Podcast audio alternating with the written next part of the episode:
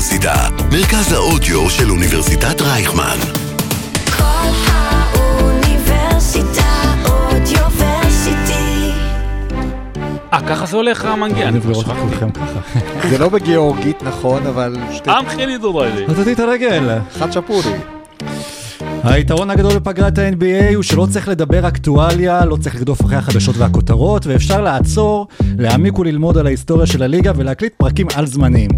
היתרון של פרקים על זמניים הוא שתוכלו להאזין להם בכל מצב, בכל שנה, יכולה להיות 2026 או אפילו 2030, ואתם תהנו משעה וקצת של כדורסל, בלי לדעת או להיות מושפעים ממה שקורה במקביל להקלטת הפרק, ברחובות ובחברה. כלום לא עצוב והכל כרגיל, פשוט אסקפיזם טהור של כדורסל.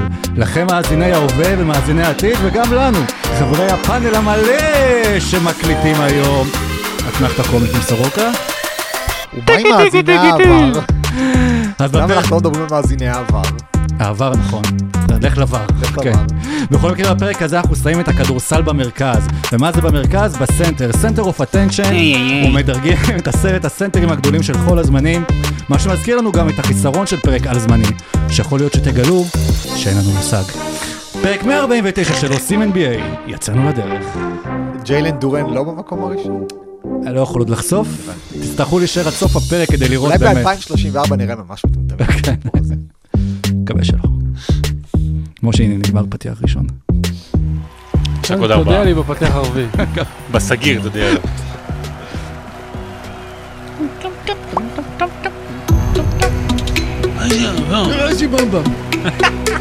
אה, מזה באתי, אני.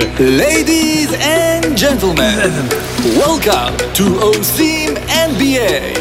Here are your starting five. מה זה בעצם סנטר? והאם זאת העמדה שהכי השתנתה לאורך השנים? לא, כן. לא? אוקיי. מהאיש שצלע לאליפות עד ה-MVP המכהן, אלה שכמעט נכנסו לעשירייה. איפה מדורג ניקולה יוקיץ', אחרי שלוש עונות יוצאות מהכלל, כולל אליפות אחת? בגלל איזה שחקן שינו את החוקים? ארז מרקוביץ'. ויש כאן יותר מתשובה אחת נכונה. אייל סייר. מי זה? אריק גינגול. ומי ניצחו במאבק לריבאונד והגיעו לראש הדירוג שלנו? פביאן ליפרמן הוא היה רכז. נכון. הוא היה לא נכון. יותר גבוה ממני. איזה שם של... אה, אחר כך גם. של פעם, לא תדעו כמה פעם, סתם, רק מי שמאזין עכשיו. כן, אז אה, אנחנו אה, בפרק 149 של עושים NBA, ושוב, מנצלים פגרה בשביל משהו שתוכלו להאזין לו. אני אגב, מנצלים אני כל פעם פגרה- משחק עם הסאונד אגב, אבל זה לא... זה לא עשה- אנחנו מנצלים פגרה, אבל בהסכמה. כן, נכון. בהסכמה רחבה. בניגוד, יש הבדל בין לא בעילת- אם- יש הבדל בין בעילת קטינה לבין בעילת... פגרה? אני לא יודע אם פגרה. יכולה להסכים. כן. אה, מה קורה סורוקה? בסדר גמור, כן, כן, כן. אנחנו מתאפקים מלהשתמש במילה סביר. סביר, כן. מה קורה שרון? איזה כיף לחזור, long time, long נכון, see, long time, long לי. לא. אה, אתה רואה הרבה זמן לא. הייתי, אה, ואני חוזר בתאריך מיוחד, זה גם תאריך יום הולדת של עידו גור, נכון. חברנו, נגיד לו מזל טוב, וגם אתמול יום הולדת 60 עגול לכרמלון, שאתם יודעים מה זה אומר, שהאקזיט שלו ממש אה, מחר, חוגגת 18. יפה, מזל טוב.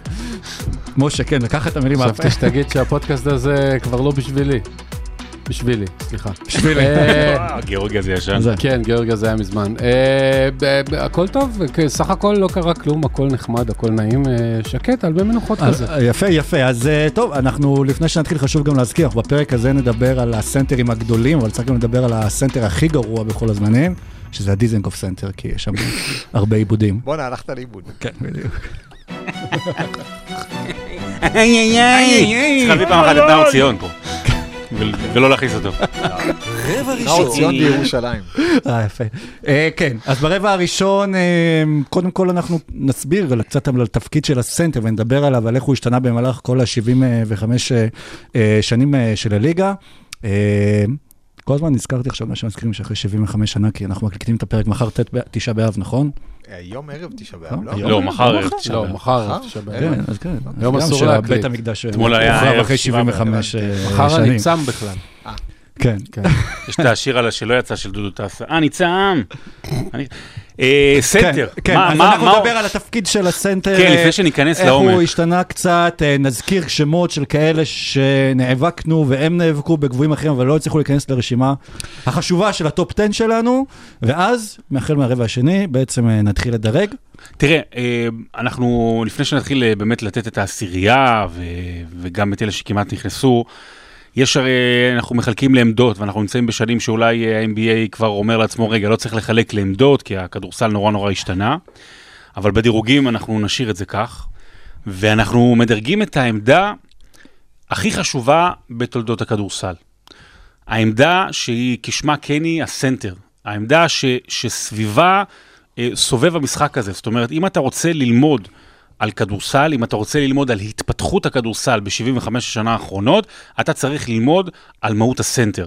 סנטר היה במשך 60 שנה התפקיד הכי חשוב במשחק הכדורסל, אה, התפקיד שממנו נבנות קבוצות ו franchise נבנים, ואנשים שלמים וקבוצות שלמות היו סביב הדבר הזה שנקרא סנטר. אה, זו הייתה המהות של הכדורסל. הסנטר היה במובן הזה הקווטרבק של, של הפוטבול בחשיבות. אה, ובאמת, התמורות שהתפקיד הזה עבר והאנשים שעברו שם הם אה, מהחשובים והגדולים בהיסטוריה של המשחק. בעברית קראו לזה שחקן ציר, שזה מעניין, כי קראו לזה ציר בעיקר כי השחקן היה מסתובב ימינה ושמאלה, משתמש במה שנקרא ברגל ציר, חשבתי בכאלה של ציר. בשר, כי אולי כן גם... אה, גם היה לו כן, בשר, כן. אבל זה מעבר לזה, זה הציר שסביבו סובב את הקבוצה, בהמשך למה שאמר שרון. ובהרבה מובנים, השחקנים באמת כל כך השתנו, שדברים חזרו על עצמם עם השנים, וסגנון הכדורסל התפתח הרבה בזכות הסגנונות של הסנטרים. כלומר, כש- כשהסנטרים היו יותר גבוהים ואתלטיים מכולם והגנתיים מכולם, אז התקפות השתנו בגלל זה. וכשהסנטרים הפכו ל- לברוזרים שהולכים מכות, אז היו מכניסים להם את הכדורים כדי שילכו מכות כל המשחק. וכשהסנטרים יצאו לקשת השלוש, אז גם הכדורסל השתנה איתם. זה כנראה באמת העמדה שעברה הכי הרבה שינויים מבחינת הדרישות של התפקיד, לדברים שאתה עושה ולא עושה, ואז עושה גם מזה וגם מזה, וגם מבחינת החוקים מסביבה אולי, זה או הדברים שהשתנו. שהתפקיד עצמו השתנה, אבל אין תפקיד בכדורסל, לא על המגרש, לא מחוץ למגרש, לא הגארדים, לא מייקל, לא לברון, לא קרי, לא כולם, אין תפקיד ששינה את הכדורסל יותר מבחינת כל מה שאנחנו מכירים ב-75 שנה האחרונות מאשר הסנטר. ועוד משהו אחד שמשה יעיד, אה, העמדה הזאת כמעט מתה. בסדר, לא. העמדה הזאת לפני כמעט. כ-15 שנה אה, כמעט מתה. אחרי האליפות של אה, שקי מיאמי ב-2006, הכריזו כולם על מותו של הסנטר. ובמשך הרבה שנים, מה שהיה בליגה זה כל מיני, אתה יודע, דווייט האווארד שלט בליגה ללא עוררין, ואולי בתקופות אחרות... דווייט האווארד 6-10, כן? כן, ואולי כן. בתקופות אחרות לא היה לו סיכוי. שלא אה, וכולם דיברו על זה שסנטר זה לא חשוב, והתחילו לשלם פחות לסנטרים וכו' וכו' וכו'. עד שלפני כמה שנים הגיעו אנשים כמו אמביט, כמו יוקיץ', כמו אחרים, ש- שהחיו את התפקיד לגמרי, ונתנו... וקרל אנטוני טאון, שהחיה את התפקיד, אבל זה כן, מזכיר אבל- לי את דברים אחרים. מזכיר לי את המים הזה, שנכון, של השמועות על כן. מותי היו מוקדמות. כל פעם שקרל אנטוני טאון זה חיית התפקיד, ועשה את זה כמה פעמים, הוא קבר בן משפחה. אה, אז, אז, אז, אז הסנטר זוכה כאילו לעודנה מחודשת, וזה נהדר, כי זה בדיוק הזמן לדבר עליהם, כי עכשיו, אה, אה, בוא נגיד, שלושת המועמדים ל-MVP בשנתיים, שלוש האחרונות, אה, אם זה אמביט ויוקיץ' ששיחקו סנטר, או יאניס שיכול לשחק סנטר, אה, אגב, אה, עדנה מחודשת זה שם התקליט החדש של עדנה- לב. כן. כן, אני רציתי להגיד כן. שהשמועות על מותי היו מוקדמות, זה לא השמועות אבל על מותי, שלא היו מוקדמות. רגע, אני חייב- להוסיף עוד משהו ותודה. אחד אישי. כן. משהו אחד אישי לקראת הפרק הזה, פרק מאוד חשוב. אני, כשאני. שיחקתי כדורסל, הנה בבקשה, אני, אני, אני הייתי כבר בכיתה ז' מטר שמונים, אז אותי שמו סנטר. כן. אוקיי, ואני שמו סנטר, ואני כאילו, ובגלל זה גם לא יצא ממני שום דבר, כי, כי אתה- סנטר, ואז אתה זה. לא לא גדל, לא גדל לשום. דבר למטר תשעים, אבל יש משהו, אני אומר לך, במי שחווה את זה, בעוצמה הזאת של ה... שכולם מסתכלים עם הפנים לסל, ואתה עם הגב לסל, אני לא יודע איך להגיד את זה, כמו זה, זה נותן לך... פיבוט בכדוריד. זה, זה נותן לך כוחות אחרים לגמרי. בדיוק אומר איינורן מצייץ בתגובה לזה שפרסמנו שיש עכשיו את הפרק, שזה עדיין לא עלה לאפל אה, פודקאסט, אז זה יעלה עוד מעט. כשנסיים את הפרק. אה, לא הבנתי. כי פתאום קפץ הציוץ, שכאילו, כי לא. מחכים לפרק. אה, שכבר עלה? כן. תגיד לו שמהיום הוא QA, הוא ישמע את הפרק קודם ואז נקליט. כן. אז, אה, אז כן, אז חשוב להבין, אנחנו מראש הכנו את רשימת העשירייה שלנו, אנחנו כן נדיין פה, כן היו דיונים גם בתוך קבוצת וואטסאפ למיניהם, או כבר בטוויטר ש- שנערכו. ב-X. ב-X, סליחה, נכון. שאנחנו נניח כאן, ה-X זה אגב לא הזה של דני אבדיה? של טוויטר. אנחנו התדיינו לא מעט על הרשימה, אה, ככה התווכחנו טיפה. צריך לומר שדווקא הקטע בסנטרים, שיש הרבה מאוד שמות גדולים, אבל תכלס, משמע. כן, תכלס, בין כל העמדות, אני חושב שזו ה- ה- העשירייה הכי קלה. במרכאות לבחירה. זאת אומרת, אוקיי, ההוא נשאר בחוץ, ההוא כי לא קלה, כן, לא כבדה, כן. לא, כי אין- כי אין פה קובי לריב עליו. בדיוק. לא, אבל הכי קלה, כי אתה, יודע פחות יותר את העשירייה, כן. אולי אחד, שניים יכולים להתחלף, אבל בפנים יש כל מיני סוגיות. אוקיי, אז נשמח לשמוע גם את הדעות שלכם אה, אחרי שתאזינו לפרק, לא משנה באיזה שנה אתם מאזינים לפרק אה, ואיפה נהיה בזה. אז בואו נתחיל עם אלה שלא נכנסו ועם הראויים לציון. והראשון שנזכיר זה מישהו שהבן שלו כבר עכשיו משחק אה, בליגה, לא יודע, אפשר להגדיר אותו סנטר? לא, אתה היית בן. בסקרמנטו הוא הסנטר. בסקרמנטו הסנטר, אולי הבן שלו ישחק בנבחרת ישראל סנטר וזה, אבל מי שאנחנו מדברים עליו זה ארבידס סבוניס, אה, הזכרנו אותו פה כבר בכמה פרקים, גם בפרק של הדירוג אירו- אה, הגדולים של הליגה, נראה לי גם היה בראויים לאזכור, שהוא היה ב top 10. לא, הוא היה הוא היה ב top 10, ב top 10, כן, סבבה, אז הכל טוב. וסבוניס אולי באמת היה, ודיברנו על זה אז בפרק, ה prototype הראשון של מה שאחר כך הפך אה, להיות בהמשך ניקולה יוקיץ'. כן, והאמת שלא הוספנו את זה, אבל זה בהקשר אליו אפשר גם להגיד על ולאדה דיבאץ, גם כן. במובן הזה, אבל סבוניס הוא הסנטר האירופי. אה, אבל כשאני אומר אירופי, לא יוקיץ', אלא הסנטר האירופי באירופה, הכי טוב בכל הזמנים. אה, הוא היה יכול להיות הרבה יותר גדול אם הוא היה מגיע לליגה בזמן שהוא נבחר בדראפט, שזה בגיל צעיר, ואז הוא הגיע בגיל 33, 32 ל... 30 בערך. אני חושב 30 שבגיל לליגה, 30 גדול הוא אם היה הוא ב- היה, כן. בערך בגיל 30 הוא היה במשחק הרוקיס באולסטאר. כן. כזה, מה אתה עושה כזה? ובלי. ברכיים, כן? כן, היה בלי בלי הוא- הוא ברכיים. היה יותר גדול אם הוא היה ישן יותר, אתם מכירים? אני זוכר שתמיד המורה שהייתה אומרת, אתה רוצה לשחק כדורסל? תישן. שני מטרים 21 סנטימטרים, כבד, איטי, אבל uh, ממוחות הכדורסל, לאו דווקא הסנטרים הגדולים בכל הזמנים. זאת אומרת, אם- באמת, חכם בצורה בלתי רגילה. אם הוא לא היה מגיע בגיל 30 ובלי ברכיים, הוא היה עוד יותר גדול, אבל אה, לצער, לצערו, מכל המדרגים של ה-NBA, אה, פחות מתעניינים במה הוא עשה בריאל מדריד ובנבחרת whatever, ויותר במה הוא עשה זכה עם ב-NBA. הזהב עם ברית המועצות ב-88, צריך זה- להגיד. זה- נכון, המשחקים והיה... האולימפיים שאחריהם הגיעו הדרימטים. היה חלק מנס אה, שרס ומכבי, הוא היה- זה המשחק האחרון שלו בקריירה. הוא היה חלק כן. מנבחרת ליטא שאולי הייתה הנבחרת האירופית הכי גדולה, החמישייה שלה לפחות הכי גדולה בכל הזמנים, עם קרנישובס. וחומיציוס, מרצ'וליניוס, קורטינייטיס, כל האלה. אה, באמת אה, נבחרת אה, מטורפת.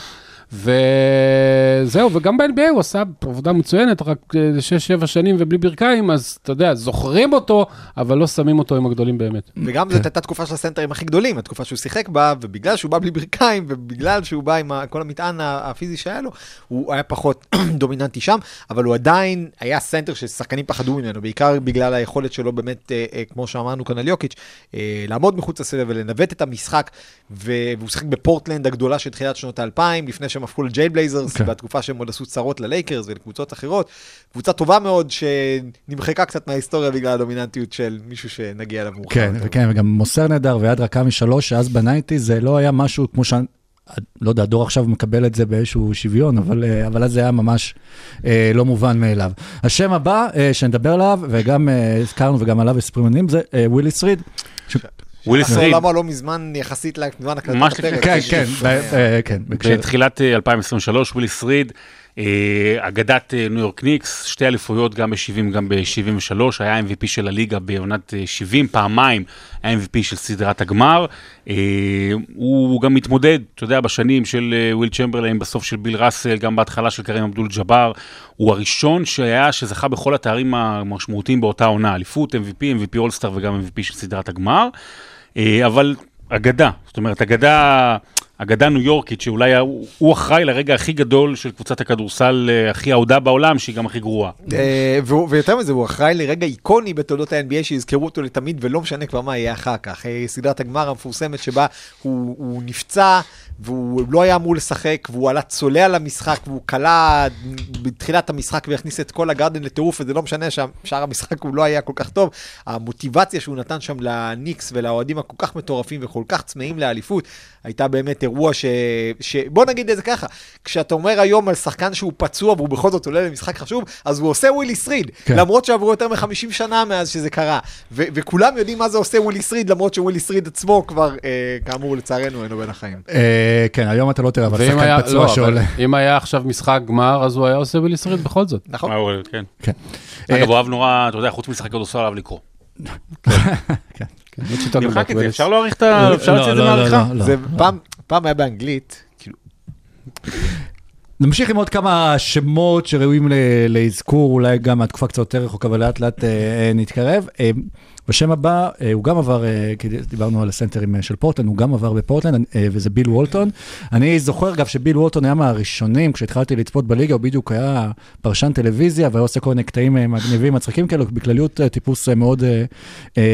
מאוד ורבלי. וזה כן, וזה הפעם הראשונה שממש, מהפעמים הראשונות אולי, שהתחלתי ככה לחקור שחקן ולשמוע על ההיסטוריה שלו, גם בגלל שהרבו להראות קטעים שלו כל פעם שהוא שידר, וגם, וגם לו יש אה, בן שעכשיו גם עבר בסקרמנטו, אבל גם אתם מכירים אותו אה, בליגה, בש- בשם לוק- וולטון, אבל אנחנו נדבר היום על ביל. ביל וולטון היה ההיפסטר הראשון של אה, של ליגת ה-NBA, הוא, כשהוא היה בשנים שלו הוא עוד היה בפורטלנד, היפי, זה עוד לפני שזה היה היפסטר. הוא היה, הוא היה היפי, כן, הוא היה, אתה יודע, מאלה ש... prototype של ההיפסטרים. הוא גם נראה היה כמו החבר'ה האלה שמפגינים, אה, אתה יודע, נגד וייטנאם וזה. הוא הוביל את פורטלנד ב-77 לאחת האליפויות היותר מיוחדות בתולדות ה-NBA, זה היה בעיקר עליו. שחקן מכללות אדיר גם, אחד הגדולים. אה, תראה, הסטטיסטיקה שלו היא כאילו לא מרשימה, 13.3 נקודות, קצת למעלה מעשרה ריבאונדים, אה, לא יותר מזה. גם אחד השחקנים הכי חכמים בתולדות הליגה, אה, זכור לטובה ככס... ב- ב- בשנת 86, בקבוצה הגדולה של בוסטון, שנחשבת אולי לקבוצה הכי גדולה בכל הזמנים, הוא היה השחקן השישי של העונה. אה, בפלייאוף, בגמר הוא לא שיחק, אבל במהלך העונה הסדירה שיחק והוא היה חלק מאוד משמעותי. הבעיה הגדולה, ואולי הסיבה המרכזית שבגללה הוא לא נכנס, היו לו פחות מ-500 משחקים ב-NBA. 488 משחקים זה מהזיכרון, אז אני, תתקן אותי, אבל זה מקביל אה, שש וקצת עונות, כאילו.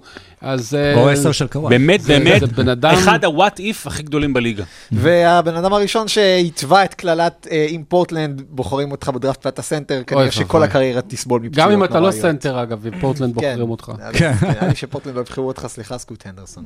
כן, מקווה- נאחל אה, לא טוב. אה, נתקדם הלאה ונדבר עכשיו על אה, סנטר אה, גם כן שהגיע לליגה שהוא לא אמריקאי וזה דיקמבה מוטומבו, אחד משחקני ההגנה.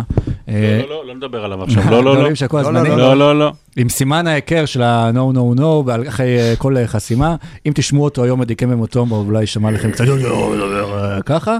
אה, האמת גם לא מזמן ראיתי בדיוק איזשהו קטע.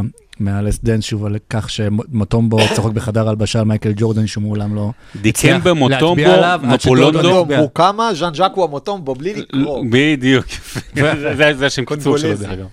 כן, ואנחנו אחר כך נדבר על גם עוד סנטר של דנבר שוב, אבל חשוב לזכור שדיקמבה מוטומבו גם אה, זכור באחד מהרגעים האיקונים של הליגה, כשדנבר מהמקום השמיני אה, הדיחה את אה, סיאטל. את סיאטל ב- ב-94, ומוטומבו שוכב על הרצפה אחורה, מחבק את הכדור וצועק ובוכה. אגב, יש על אה, חוק שנעשה בעקבות אה, המשחק שלו, לא הרבה שחקנים עשו חוק על שמם, והיום אם אתה עושה את התנועה של הלא לא לא, אתה מקבל עבירה טכנית. ידעתם, זה נכנס באמת? רשמית לחוקים, כן. בושה וחרפה. אני יודע, אבל כל החוקים, כל החוקים אה, ב-NBA זה בושה כשאתה- וחרפה. כשאת- כשאתה אומר לא, למה אתה מתכוון?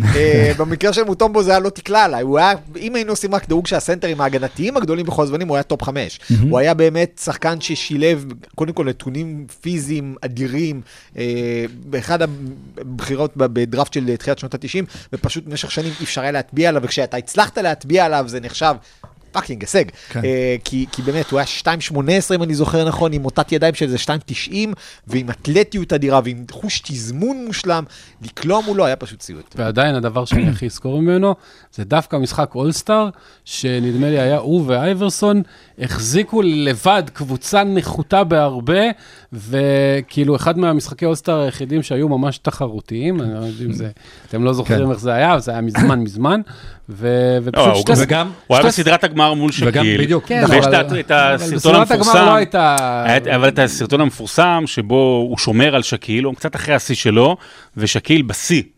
אה, הוא דוחף אותו חופר אחורה ודיקמבה מוטומבו 2 מטרים 18 סנטימטרים.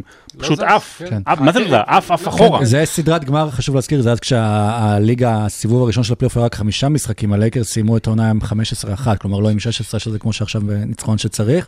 והניצחון היחיד היה של פילדלפיה בסדרת הגמר של מוטום. במשחק אחד. במשחק אחד, עם אוטומבו ועם אייברסון שמדלג מעל טיירון לו, ואריק סנואו עם רגל אחת, ומי יודע שם. אירון מקי, אירון מקי. כל מיני... כן, ועכשיו. הוא כבר מרגיש יותר טוב, הוא דחף אצבעות והוא כבר לא מכיר. אה, גמרנו קודם, אז אמרת שאם מוטום באמת היינו בוחרים את אה, הסנטרים ההגנתיים נדמה לי, בכל הזמנים. השמועות על מוטומבו היו מוקדמות. מקווים. אני אוהב בדיחות שחוזרות אחר כך.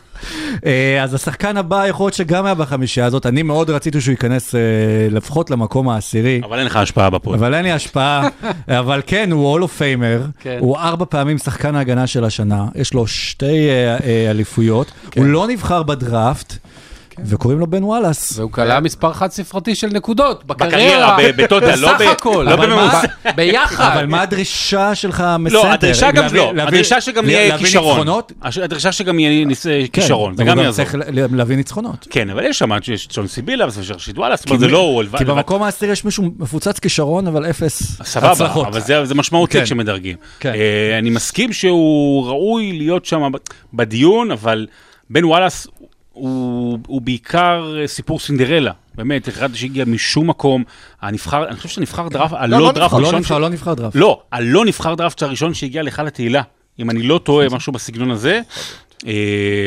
עם כל הכבוד, לדעתי, בן וואלאס אה, יותר קרוב לרודי גובר מאשר לשקיל אוניל, ולכן הוא לא מסכים. בעשירייה. אני מסכים. בן וואלאס זה גם עניין של סיטואציה, כלומר אנחנו צריכים לזכור שהוא התחיל קריירה באורלנדו, הוא סיים את הקריירה בשיקגו, ובשתיהן אף אחד לא זוכר מה הוא עשה, ושיקגו הגיע לה כבר אחרי האליפויות של דטרויט, אה, אבל בדטרויט, בתוך המרקם הקבוצתי, זאת הייתה אחת מקבוצות ההגנה אה, הכי טובות ויעילות, היא לא הייתה קבוצה מלוכלכת כמו הבד בויז, אבל היא הייתה קבוצה ש...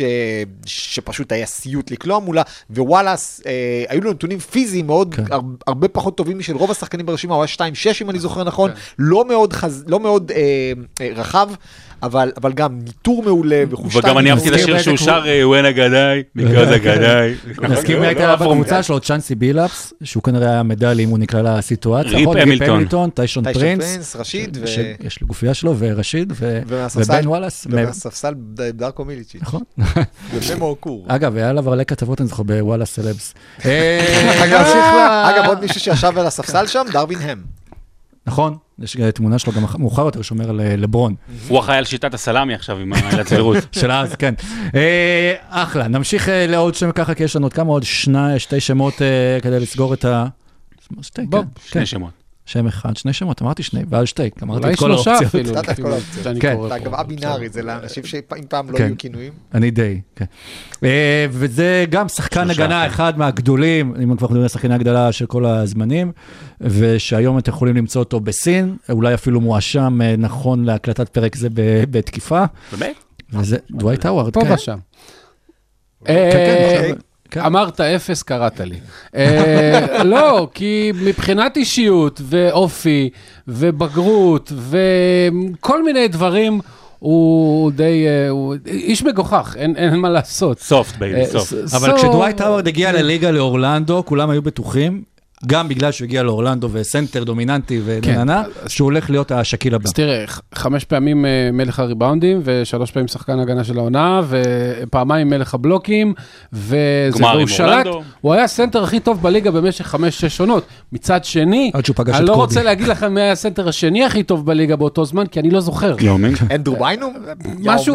מי יודע, לא יודע, זה, זה, זו, זאת הנקודה. שהוא שיחק בשרלוט, לא אז, יודע. אז כן, יש לו קריירה הרבה יותר טובה ממה שזוכרים אותו, כי בערך מ-2012 שהוא הגיע... מהרגע ל- שהוא הגיע ללייקרס, זהו, מהרגע זה... שהוא, בדיוק, אנשים בלייקרס מתרסקים. אה, אה, בגדול, מהרגע שהוא הגיע ללייקרס, התחילו לו פציעות בברכיים, והזה, והאופי הנחמד שלו, וגם ביוסטון, גם הצעקות של. קובי עליו לא עזרו אה, למוניטין שלו. בסוף, וזה. בסוף הוא לקח אליפות ב-2020, כשהוא הבורג השביעי בערך במכונה. שכחתי מזה בכלל. אז אה, כן, אז, אז, אז מגיע לו על השבע-שמונה שנים של דומיננטיות מוחלטת, אבל אה, בגלל זה הוא רק בראויים לציון ולא מעבר. אם אם לוקחים את דווייט האווארד בעיניי, אה, שחקן ששוב, אני לא אשתמש במילים חריפות כמו אה, אה, טרגדיה, אבל אם כישרון של דווייט האווארד היה מתחבר למוסר העבודה של דווייט האווארד, הוא כנראה היה אחד מחמשת הסנטרים הגדולים בכל הזמנים. הוא היה שחקן שמעולם לא פיתח נשק התקפי, הוא היה קולע סלים מכוח היותו... בניגוד לאופנהיימר. כן. כן, מכוח היותו אה, איש מאוד גבוה, אתלטי וחזק. אה, אבל אם דיברנו בהתחלה על התקופה שבה עמדת הסנטר מתה, אז עצם זה שדווייט האווארד, שחקן בגילו, ב- ב- ב- באמת, בשיא הקריירה שלו, לא היה שחקן שאתה יכול לבנות סביבו אלופה, תרם רבות למותה של עמדת כן, הסנטר, כן. ובאמת, הוא, הוא באמת, התקפית, לא היה לו שום צעד, שום מהלך איקוני, שום מהלך גם לא איקוני, ובמשך 6-5 שנים פשוט זרקו אותו מקבוצה לקבוצה, כי לא היו מסוגלים להתמודד איתו בחדר הלבשה, היה לו אגו ענק, תפוקה נמוכה, וחוסר יכולת להביא אותך כן, להישגים. ואולי באמת הסיבה שהוא נשאר בחוץ, כי דיברת על ההבדל בין מוסר עבודה לכישרון שלו, אבל אנחנו בהמשך נראה שחקן שגם אולי היה הבדלים בין מוסר עבודה לכישרון שלו, אבל בכל זאת הכישרון שלו לקח אותו אה, גבוה ברשימה שלנו. שם אחרון שנזכיר הוא עדיין... שני שחק- שמות. שתי שמות? כן, שני שמות. בוא ניתן כן. את אה, בוב מקדו. אני רק אה, רציתי אוקיי, להגיד אלונזו שבוב מקדו, אה, לא זה שלוש זוכר- שמות. זהו, בוב מקדו לא זוכרים אותו, כי חצי מהזמן הוא היה ב-ABA וזה, ושנות ה-70, ולא תקופת השיא. ובקלאבמנט, במקדו. אבל אה, זה שחקן שב-NBA היה. היה פעמיים אה, מלך הסלים בתור סנטר. לא מלך הריבאונדים, שימו לב, מלך הסלים, כולל עונה של 34 וחצי נקודות. למשחק, אוקיי? אז חייבים להזכיר את זה, כי אין הי- אין היום גארדים, אה, מייקל והארדן, זה הגארדים היחידים שעשו אה, 34 וחצי נקודות למשחק, וסנטרים, מאז ימי אה, ווילט, אין דברים כאלה בכלל. אז אה, כן, חשוב לציין. ועוד איזה שם אמרת? אז יש עוד שתי שמות. לא, אחד אחרון, ג'ואל אמביד. אה, רציתי להגיד גם מורנינג. אלונזו אחלה. אחלה. אה, אחלה. הזכרת אותו. fighter הגנתי אדיר, ושחקן באמת אופי מדהים. ובאמת ג'ואל אמביד, אז הוא השחקן היחיד אה, שפעיל, שאולי עוד ייכנס בהמשך, אבל כרגע הוא עדיין אה, מחוץ לרשימה. ה-MVP האחרון של הליגה, למרות שאולי לנצח יהיה על זה את התווית של... הגיע, ל- ל- ל- ל- הגיעו- הגיע לשניהם, סבבה? לא עניין את ניקולה יוקיץ' לקחת MVP בעונת 22-23, וג'ואל אמביד נתן עונה רגילה טובה יותר מניקולה יוקיץ', כולל יותר לנצח, כולל לתת את העונה העמידה ביותר בקריירה שלו, וכולל לשחק במספיק משחקים ו- ולתת 33 נקודות. דיברת על מלך סלים, עשה של... גם הוא עשה לדעתי 33 נקודות כן. למשחק השנה, והיה מלך הסלים של הליגה. אז שוב, אמביד הוא, הוא כישרון אדיר, ו... הקריירה שלו בסוף תיבחן לפי גם דברים, שוב, רואים, אומרים נכון להקלטת הפרק, שאנחנו רואים מבחינת יחסים שלו עם הקבוצה, אה, לאן הוא רוצה להגיע, כמה הוא לוקח אחריות עליו, כמה הוא זורק אחריות על אחרים. כן. הוא- זה תלוי, הדירוג שלו יהיה תלוי בתהליך. בתהליך, לאן הוא בתהליך הולך? של כמה אליפויות. אנחנו רגע, כאילו בשנה הקרובה ג'ואל אמיד יהיה בן 30, והוא צריך להחליט אם הוא רוצה חום גבוה, או רוצה למהר נע ולשים על אצבעו יא, טבעת.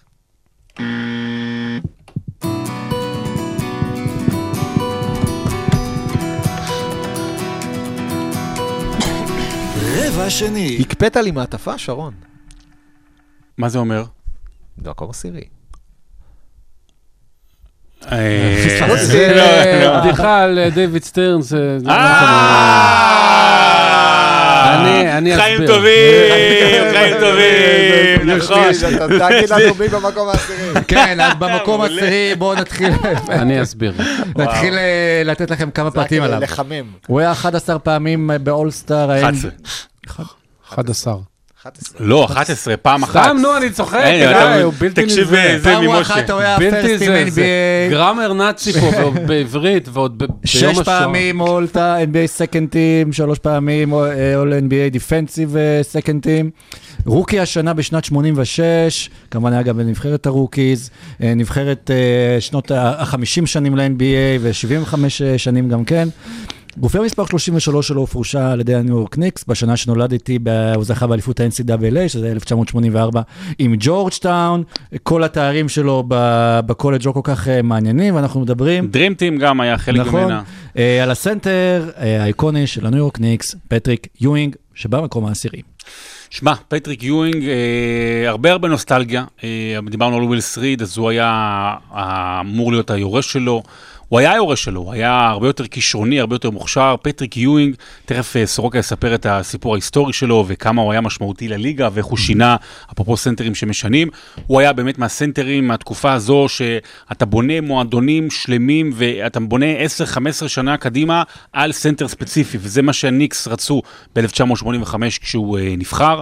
פטריק יואינג, אה, אולי הוא, אתה יודע, הוא זכור מה, מהמלחמה שלו. הוא היה הסמל של הניקס הלוחמנית של שנות ה-90. הוא זכור קצת כלוזר בגלל המאבקים, ושהוא הפסיד, לר... הוא הפסיד לרג'י מילר, והוא הפסיד למייקל ג'ורדן, והוא הפסיד ולהקים. אה, להקים. ואתה יודע, בסדרה שהניקס הייתה אמורה לנצח ב-94. אם יש משהו אחד, חוץ מהרמה המקצועית, שזה הג'אמפ שוט שלו, שהוא באמת, לו, הייתה לו כליאה של סנטר דאז מושלמת מחצי מרחק. אם יש משהו אחד שאני לוקח מפטריק יואינג ודווקא לטובה, אני חושב שאין סנטר בהיסטוריה שיש עליו כל כך הרבה דנקים היסטוריים שנקלעו עליו. באמת, אני יכול לתת לך עשרה, עשרה דנקים גדולים היסטוריים שפטריק יואינג, הוא, עושים את זה עליו. עכשיו, מה זה אומר עליו? זה אומר, א', שהוא שם. זה אומר שהוא נלחם, לא, זה אומר שהוא נלחם, זה אומר שהוא מנסה להגיע. אבל זה גם אומר שאם הטבעת על פטריק יואינג, זה אומר כנראה שעשית משהו גדול. מייקל ג'ורדן, ההטבעה הכי גדולה שלו בקריירה זה על פטריק יואינג. סקוטי פיפן, ההטבעה עולה... ג'ונסון, קווין לא? לא, קווין לא, ג'ונסון זה קווין היה איתו, לקים, סליחה. אבל אה, אם אני לא טועה, מפיניקס, אה, קווין ג'ונסון. אה, בכל מקרה, לא, כן, זה זה ענקים. כן. בקיצור, היה לי מעולה, הייתי צריך לסיים, אומרת- והמשכתי. מה שאתה רוצה להגיד זה שהוא כל הזמן ניסה וכל הזמן נכשל. כן. כן, לא, ועלה- לא נכשל, אבל עדיין, אה, אבל- אבל סנטר מוכשר, אחד עדיין בתולדות נבחר הליגה. לפני וואלאס. השאלה הגדולה היא, האם אתה לוקח את פטריק יואינג ושם אותו היום בליגה, האם הוא לא דיאנדרה אייטון? שזה בערך סט היכולות שהיה לא, לו, באמת. גם אם תיקח את ביל ראסל היום, זה זה לא לא, זה לא, לא אותו לא, דבר. זה לא, לא מדויק. לא, אני לא מסכים איתך. הוא פטריק לא יואינג... היה הגנתי מדהים במיוחד, הוא היה... אה, מה? אה, אתה- הבן אדם היה ארבע פעמים מלך החסימות בליגה, היו לו היה לו כן, בסדרה נגד יוסטון, היה מלך החסימות. בסדרה נגד יוסטון היו לו 30 חסימות, אוקיי? didn't- אוקיי. מ-1993 כבר לא היו לו ברכיים. זה נכון. אוקיי, הבן אדם היה מאוד מאוד פצוע, אני מזכיר לכם, אלה סנטרים גדולים שהגיעו לליגה לא בגיל 18-19, הם הגיעו לליגה בגיל 21-22, יש להם פחות שנים אה, להתמקצע. אני אומר, מבחינת כישרון טהור, פטריק יואינג מקומו בעשירייה. ורק להזכיר, אז כי לא אמרתי, יואינג נבחר במקום הראשון בדראפט על ידי הניו יורק ניקס אה, בשנת 85. 85. אחר כך באמת, אנשים לא זוכרים את זה, תמיד רואים תמונות, הוא עשה עוד איזה קצת אה, ב- בסופר סוניקס ובאורלנדו, איזה כן, כמה עונות. סתם, אבל זה- זה טוב בעיקר ל Hoop Grids. זה, כן. רק בשביל טריוויה, אם תרצו פעם להתקיל מישהו, אבל סורוקה עכשיו גם ימשיך בהמשך לבדיחה, לספר איך, אה, מה היו השמועות על הבחירה הראשונה. היה... אמ, 1984 דיוויד סטרן נכנס ל-NBA, וכדי לזכות במקום הראשון בדראפט דאז, היית צריך להיות אחת מהקבוצות עם המאזנים הכי גרועים בליגה, הכי גרוע במערב ובמזרח, והיו לך 50% סיכוי לזכות בבחירה הזאת. ודייוויד סטרן, אחד הדברים הראשונים שהוא עשה כדי להפוך את ה-NBA לדבר יותר בידורי, זה... אה, לעשות בידור גם מעצם ה- הבחירה של השחקנים הכי טובים בדראפט. ועד אז הכל היה בהטלת מטבע כזה במשרד של ה commissioner כשהאנשים על הקו בטלפון. אה, שולה, הרימי את הטלפון והשיגי לי את ה commish. אז, ב- אז הוא הכניס את ה lottery. וה lottery הראשון גם יצא מצוין, כי על הקו היה פטריק יואינג, שהיה סופר סופר סופר סטאר בקולג'ים, וה lottery היה בניו יורק, וניו יורק רצתה סנטר, וניו יורק הייתה גרועה. אז לפי האגדה האורבנית, אה, היו שבע קבוצות ב lottery, והמעטפה של הניקס הייתה קפואה. וכך אה, דיוויד סטרן ידע איזו מעטפה לשלוף, כך שהניקס יקבלו את המקום הראשון. לתחתון. פיזית, כן, כאילו מבחינת כן, כן. קור, לא נתקע. frozen, כמו בסרט. אוקיי. כמו frozen yogurt. כן, אז אז let it go. אז באמת, פטריק יואינג בעולם לא הצליח בעצם לעמוד ברף הציפיות המטורף הזה, שבתור בחירת ה lottery הראשונה, הראשונה בתולדות ה-NBA, שמגיע לניו יורק, העיר הכי לחוצה, אה, שהייתה רק 12 שנים רחוקה מהאליפות הקודמת שלה, היום היא רחוקה 50 מהאליפות הקודמת שלה, אבל אז באמת היו בטוחים שפטריק יואינג זה האיש שייקח את ניו יורק לארץ המובטחת, והוא לא עשה את זה, וגם הפציעות היו, וגם כשהניקס כבר הגיעו לגמר ב-99, זה היה בלי יואינג, עם מרקוס קמבי, אם אני זוכר נכון, בתור הסנטר הפותח שלהם. בגמר, הוא לא- היה בפלייאוף, הוא לא היה לא בגמר. כן. ו- וגם זה, אז סיים את הקריירה באמת בטעם חמוץ מתוק, אבל כמו שאמרו אה, כאן לפניי, ה jump shot שלו מחצי מרחק, בעיקר מהצד של הצבע, היה מושלם. אי אפשר היה לעצור את זה, הייתה זריקה שחבל על הזמן. והדבר הכי חשוב על פטריק יואינג, היה לו נעליים ממש מגניבות, אני זוכר שזה היה הנעליים האלה שאמרו לי, תלחץ על ה-33 באמצע, בלשון של הנעל. זה לא היה די בראון? לא, לא, זה היה פטריק יואינג, אוקיי. ושזה ינפח לך אותה ומשהו, אבל זה לא באמת עשה כלום, זה אוקיי, היה כן, היה- פלסיבו כזה. אגב, הוא גם היה בספייס ג'ם, אני חושב, לא? הוא היה, אה, בוודאי כן, הוא כן. היה, הוא היה, הוא היה, במפלצות. אבל- הוא היחיד בספייס ג'ם ג'ם הוא היה, שקיבל את הכישורים. בספייס ג'ם הוא היה power forward אגב, כי ברדלי היה... נכון, אה, נכון.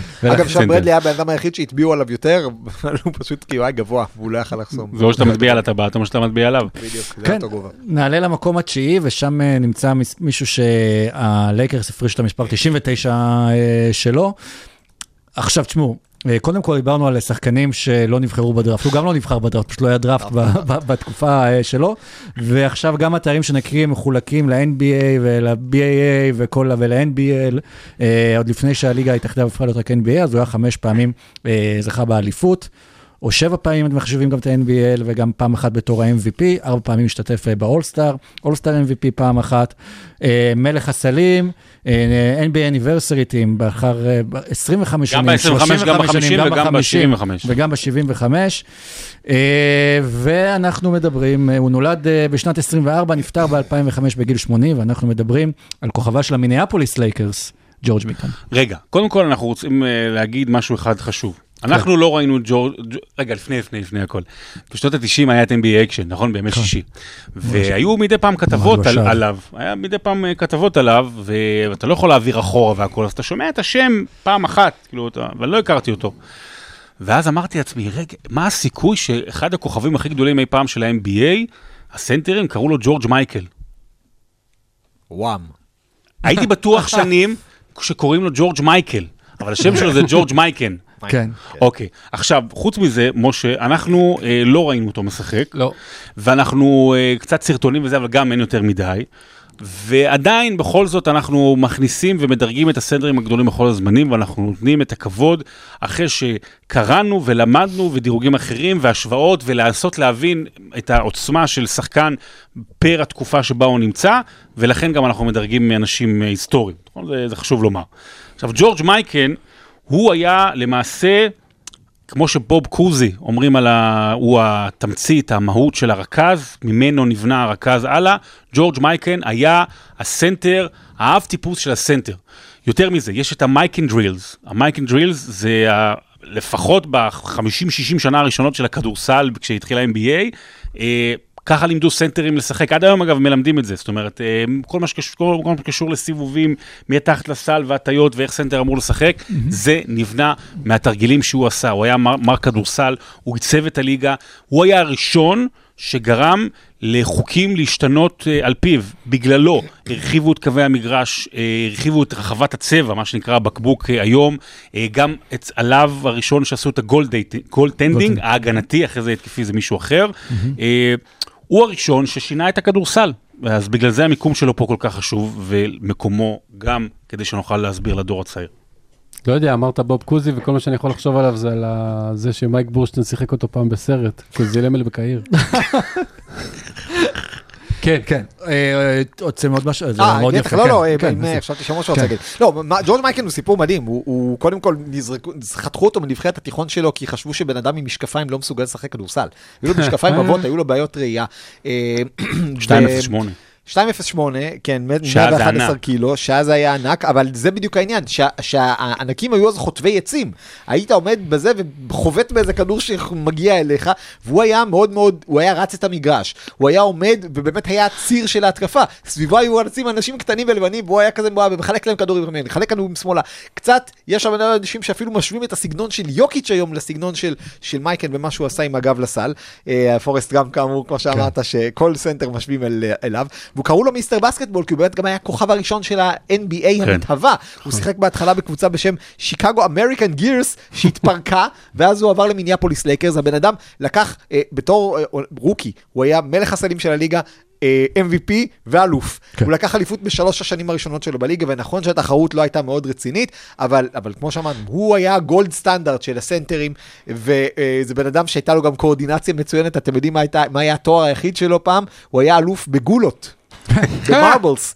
ו- וכדי ללמד אותו את הס- הסגנון הייחודי שלו, לימדו אותו בלט. בניגוד לבן סימונס שלא סטול איז מרבלס.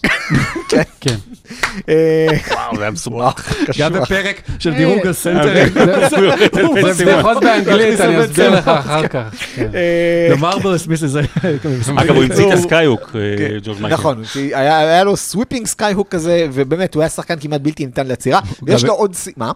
לא, באתי להגיד שהוא גם המציא את הגלגל. הוא סוג של המציא את הגלגל, והוא מחזיק בשיא שכנראה לא יישבר לעולם. כן. היה לו משחק, קודם כל אנחנו צריכים לדבר, זאת הייתה תקופה לפני אה, עידן 24 השניות, אז היו משחקים שהסתיימו, כולל משחק לפני שהסתיים עידן 30 השניות. 30 שניות, נכון. הרבה בגללו, אגב, הכניסו את ה... זאת אומרת, סביב העוצמה שלו וה- והדומיננטיות, אז הכניסו את העניין של השעון. נכון, כי קבוצות פשוט החזיקו את הכדור דקות ארוכות, ובמשחק הכי מפורסם שלשמצה, לשמצה, פורט וויין פיסטונס, להיום דטרויט, ניצחו את מיניאפוליס לייקרס 19-18. עכשיו ג'ורג' מייקן קלע במשחק הזה 15 מתוך 18 הנקודות של המיניאפוליס לייקרס, ו-83% מהנקודות של הקבוצה שלו. זה יותר מקובי ב-80-81. כן, זה יותר מקובי, זה יותר וסמוש. מווילד, זה יותר מ- מכל דבר. זה שיא של כל הזמנים. ש- שלא יישבר. שלא יישבר. כנראה, ולצורך העניין, זה אומר שאם קבוצה תקלע 120 נקודות, השחקן יצטרך לקלוע 100 כדי להגיע למספר הזה. מדהים. נמשיך למקום השמיני? אז במקום השמיני, אה, תשמעו, אם הוא היה משחק בישראל, אז הוא היה יכול לשחק גם בנבחרת, כי הוא עשה שירות צבאי מלא, והוא נבחר אה, בדראפט בעצם... אה, אתה חושב שהוא היה מסרב היום? אה, כן, זה לא יודע. הוא נבחר בדראפט 87 במקום הראשון, אחרי שיצא מה- באמת מהנייבי. הוא פעמיים אלוף ה-NBA, ב-MVP של שנת 95, אה, עשר הופעות אולסטאר, ארבע פעמים בנבחרת בחמישייה הראשונה, פעמיים All NBA Second Team, ארבע פעמים All NBA Third Team, שחקן ההגנה של 1992, ארבע פעמים בחמישיית ההגנה, ארבע פעמים בחמישיית ההגנה השנייה. Dream Team.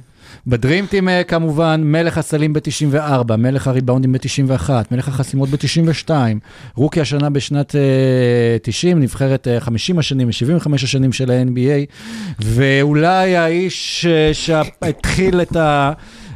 את המסורת, או את ה... איך תקראו לזה? את המועדון, את ה-culture ה-franchise, של כן, הסן. אנטוניו. ספרס. אנחנו מדברים על האדמירל דיוויד רובינסון. ועדיין יש אנשים שיטענו שהוא בדיוק ההפך מהמסורת של אה, סן אנטוניו, כי הוא היה לוזר, ורק כשטים דנקן הגיע, הם שינו את האופי שלהם, ומה שהוא כן התחיל, המסורת הכי חשובה שהוא התחיל, זה להיפצע לעונה שלמה, ואז לבחור בחירה ראשונה בדראפט שתשנה את ה-franchise. אנקדוטה מעניינת על מלכות הסלים ב-94, בשביל לזכות במלכות הסלים באותו משחק, במשחק האחרון צריך לקלוע בערך אה, 70 נקודות. הוא קלע איזה 70, 71. 71 נקודות, כן, כן. וזכה במלכות הסלים. תראה, דיוויד רובינסון, קודם כל, היה שני דברים הכי, הכ- אולי הכי בהיסטוריה. אדמירל. לא, אחד, ששוב, אגב, הכינוי, כמו שהזכרנו, בגלל שהוא בא בעצם מהצבא, הוא היה שנתיים בצבא, אחרי שהוא אחרי נבחר שהוא נבחר בדראפט. בדראפט. שהוא שיחק בנבחרת ארה"ב באולימפיאדה של 1988, הוא היה במסגרת ה-Navy, זאת אומרת, הוא היה נכון. כשחקן מכללות כאילו של ה-Navy. אה, שני דברים מאוד משמעותיים. אחד, אני חושב שהיה לו את הגוף, האתלטי, הגוף הכי, הכי מושלם בתולדות הליגה, באמת. הוא אני היה... אשען אחורה ואראה לאן זה הולך. הוא היה, שני מט, הוא היה שני מטרים 16 סנטימטרים, אבל בניגוד לסנטרים, אתה יודע, אחרים שהם גדולים או שמנים, הוא היה מסוטט. הוא היה מסוטט, הוא היה חזק בצורה בלתי רגילה. והדבר השני, שתוק, שתוק. האייטם הזה ו- בחסות גריינדר. אחים אנחנו, אחים אנחנו. כן, נו, תמשיך. זה הבעיה שלי, שאחים אנחנו. משהו בא מגיאורגיה. כן. עם אחים כאלה, יאמן לי, עשו לך עילת סבירות בבית ביום שישי. אבל איך המסעדה שפתחנו? האחים. כן. ודבר שני, הוא היה, אם לא הכי טוב, אז אחד, ה, אחד האנשים הכי טובים בתולדות הליגה. ונכון, אתה אומר לוזר, אבל אז סן אנטוניו הפכה למנצחת.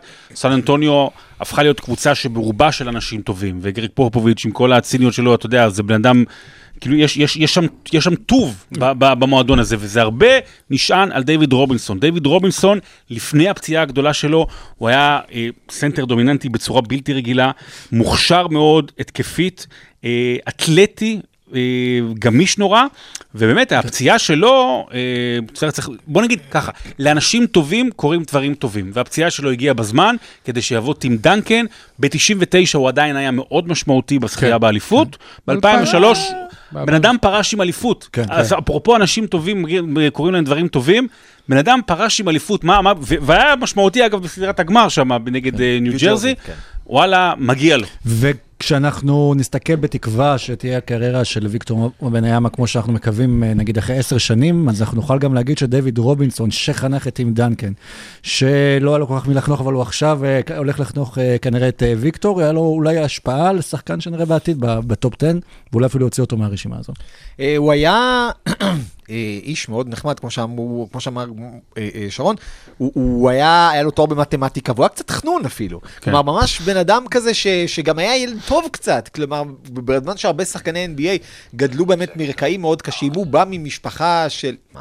הוא בא כזה ממשפחה של חיל ים, נולד בקיווסט ו- וגדל באקדמיה, והכל למד להיות חייל טוב. כלומר, באמת בן אדם מאוד ממושמע ואופי שהיום היו קוראים לו אולי רך, אבל הוא לא היה רך, הוא היה פשוט איש טוב ולפעמים אפילו קצת טוב מדי. אה, עוד משהו מעניין איתו, דיברת על השיפור שעשה סטן אנטוניו, עוד כנראה, שיא שכנראה לא יישבר.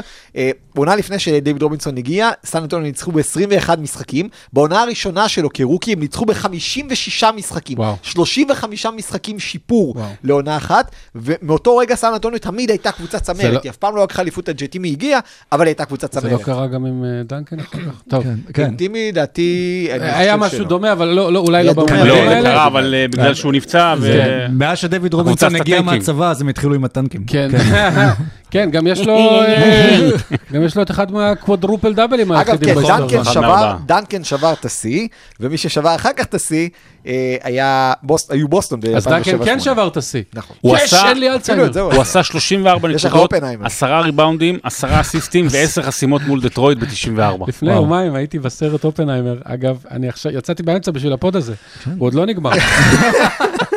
זה כמו הנאום של גרג פופוביץ' על מרקו בלינלי. כן, אנחנו כבר על אה, סן אנטוניו. אה, זה נראה לי גם ה-quadruple האחרון שהיה בליגה, אם אני טועה, נכון? לא היה. שזה די מדהים יחס לכל ההישגים הסטטיסטיים המטורפים שהולכים בשנים האחרונות. היחיד שהיה אולי קרוב אליו זה כל מייקל קרטר. וויליאמס, אה, פ- ריימונד היה... בעונת ווסטברוק במשחק היה- הראשון שלו בליגה, שהיה לו גם עשר היה עם חטיפות. קוודרופל של עיבודים, אבל. כן, באמת. נכון, כן. כן. הוא עשה כמה פעמים אפילו. כל. הקוואדרופלים שהיו לי. בראש עכשיו. כן, כן. אפילו לא במשקל של הש... כן. כן.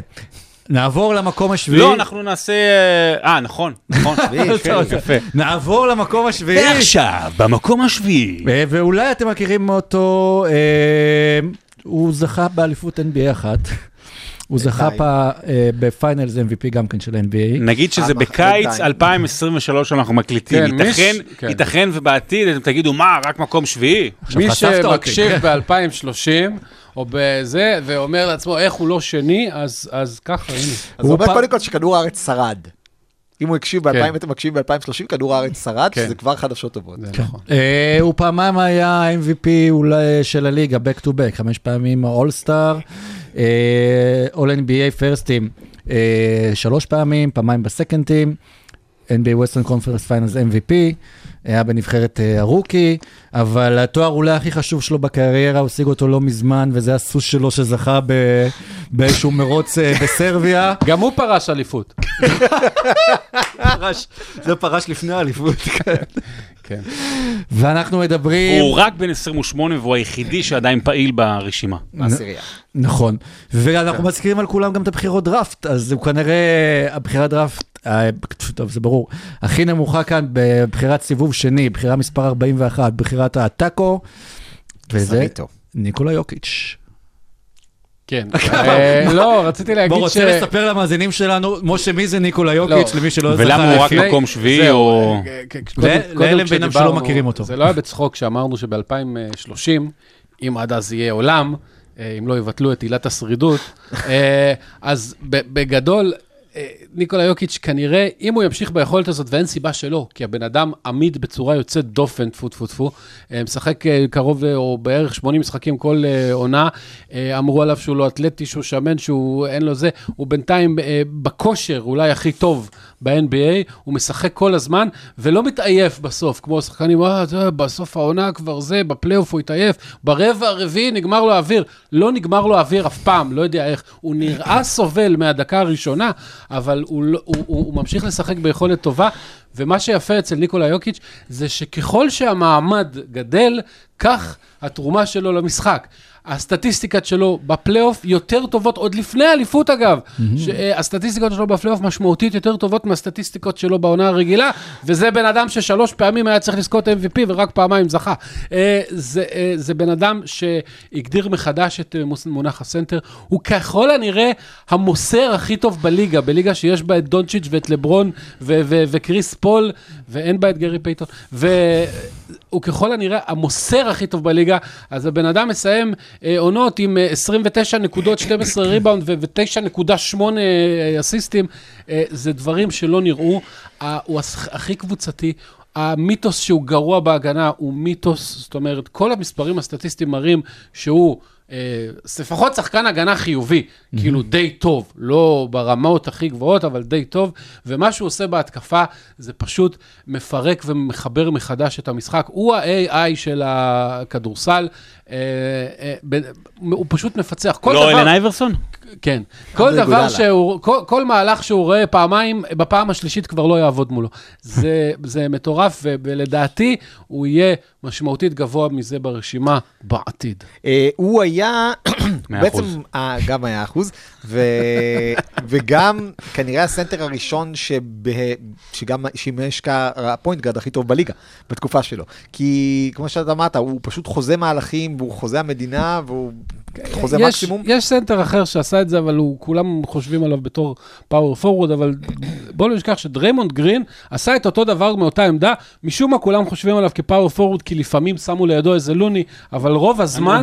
הוא היה הסנטר והרכז. כמובן שהוא לא גבוה כמו יוקיץ' ולא עד כדי כך טוב, אבל, אבל זה שם. אה, הוא, כן, יוקיץ' פשוט שחקן שמסוגל לנצח אותך בכל דרך אפשרית.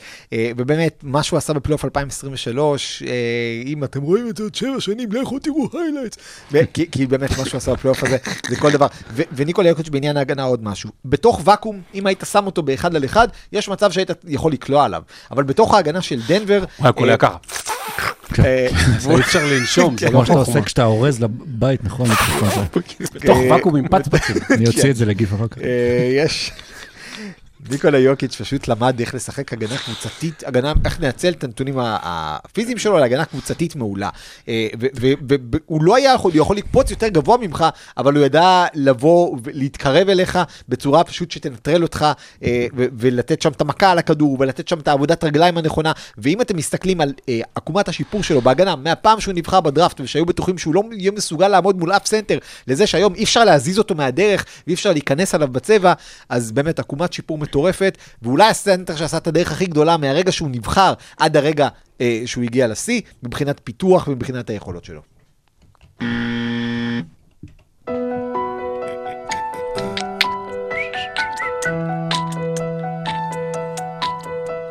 רבע שלישי. אוקיי. כן. אז לא, אני רק אגיד שיוקיץ' לא פה, כי הסנטרים הבאים שנגיד עדיין כרגע יותר גדולים, תארים, היסטוריה, משמעות, אז אז עדיין. עוד כמה שנים הוא יהיה שם. עוד כמה שנים, כן.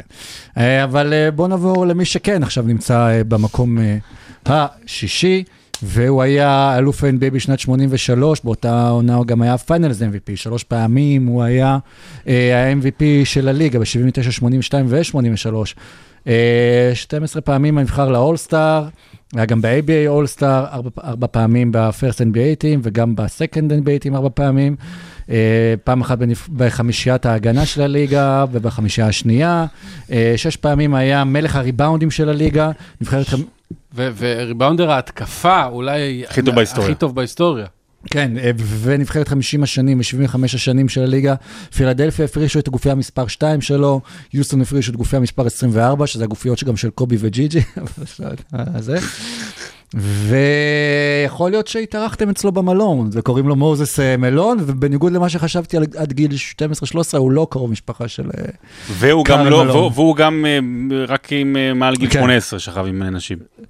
נכון, והוא נבחר מבחינת אה, השם, לליגה. הוא נבחר ב-ABA דראפט בכלל, בסיבוב השלישי על- על ידי היוטה סטארס, שאין כבר סטארס שם, ובואו נדבר עליו. מוזס מלון, אה, כן. האיש עם הכינוי ב top three של הכי מגניבים אי פעם, chairman of the boards. כאילו, אה, זה נקרא יושב ראש ההנהלה, אבל בעצם אה, כן. האיש אגב, שאחראי על אה, הריבאונדים. נוסיף רק על באמת. אה, בהקשר הזה לסטטיסטיקות שלו, מעל 20 נקודות למשחק בקריירה, מעל... אה, שיחק 21 עונות, כן. עד שהגיע, אם לא טועה, וינס קרטר, וזה נו- ועכשיו לברון, הכי הרבה בקריירה, זאת אומרת, הכי הרבה ממוצע. של מעל אה, ש- 12, אה, 12 ריבאונדים אה, בקריירה, וגם מעל אה, 1.3 בלוקים בקריירה, וזהו כאן.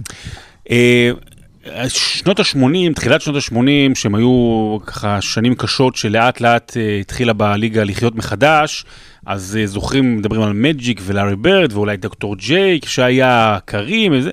הליגה של תחילת שנות ה-80 הייתה שייכת למוזס מלון. הוא היה השחקן הכי דומיננטי ב- ב- בליגה, אה, MVP גם ב-82. כ-MVP הוא היה הראשון עד שהגיע לברון שעובר לקבוצה אחרת, ואז הוא בעצם יצר עם דוקטור ג'יי את הקבוצה, אחת הקבוצות הכי גדולות בכל הזמנים, שזה הסיקסרס של 83, עם ההבטחה שלו, שהוא אמר 4-4-4, של אה, בעצם ארבעה סיבובים של אה, לנצח על האפס. הם הפסידו איזשהו משחק אחד שם בדרך, אם אני לא טועה למילווקי, בסדרת הגמר במזרח, אבל הם הפכו להיות קבוצה אלמותית, ודוקטור ג'יי, שהיה מאוד מאוד משמעותי, עדיין היה... לא אגיד שני, אבל בוא נגיד היה להם את אותה חלוקה של, של דומיננטיות גם ב- בפלייאוף ההוא, והדומיננטיות שלו בתחילת של שנות ה-80 יחד עם האליפות, אני חושב, והעובדה שהוא עשה אולי כמעט הכי טוב את הדבר הכי חשוב לסנטר, שזה ריבאונד, כן. אז, אז זה מביא אותו פה למקום השישי. וגם אה, מר לברקלי, כשהוא היה רוקי, תפסיק לאכול כל כך הרבה. כן, כן, הוא היה... בגלל, לא, רק נקודה כן. אחת, זה, בגלל, בגללו, בגללו, ברקלי לא זכה באליפות אף פעם, כי כשברקלי התחיל, אז אה, פילדלפיה איכשהו העבירו אותו, לקוש- לא יודע איפה, וושינגטון. תמורת משהו. היה, בוא נגיד, אחת העסקאות היותר מפוקפקות. הוא העביר אותו מפילדלפיה לוושינגטון, ואז הוא התחיל תמורת ככה... כלום ושום דבר יחסית. כן. הוא היו לו חמש, שבע שנים רצופות של אה, 13 ריבאונד ומעלה, אה, סליחה, יותר. תשע שנים רצופות של 13 ריבאונדים במעלה, שזה די מטורף. אה, ועוד סיפור מגניב עליו, אה, מתברר שקודם כל, הוא כבר שאמרת, הוא נבחר בדראפט על ידי היוטה סטארס, שכבר לא הייתה, כי ה-ABA פשוט התפרקה אחרי אה, שנה, ואז הוא עבר לס- לסנט לואיס, ואחר כך הוא עבר לספיריטס אוף סנט לואיס, ואחר כך הוא עבר, ב-NBA בעצם לקחה אותו בפלו, ובבפלו, שימו לב לסטטיסטיקות שלו בבפלו. שני משחקים, שש דקות בסך הכל, ריבאונד אחד.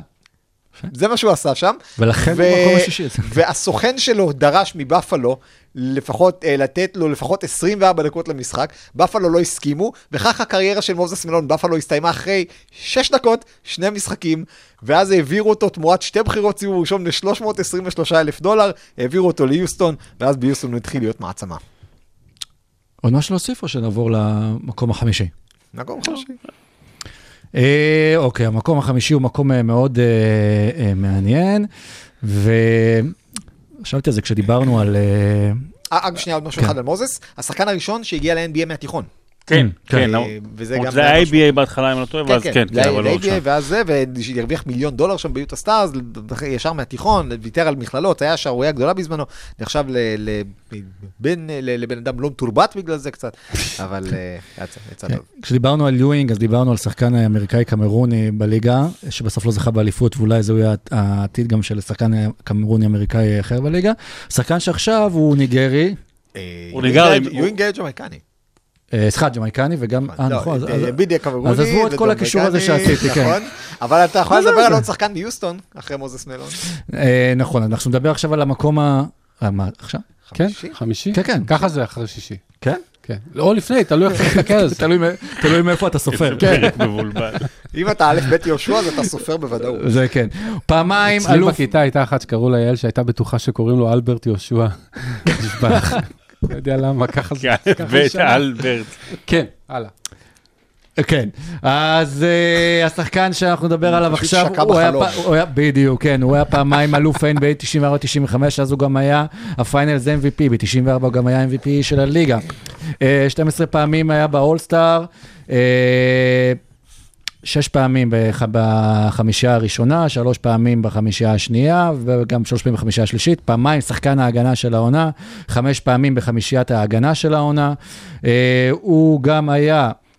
פעמיים מלך הריבאונדים של הליגה, שלוש פעמים מלך החסימות של הליגה, נבחרת 50 השנים, 75 השנים אה, של הליגה. אה?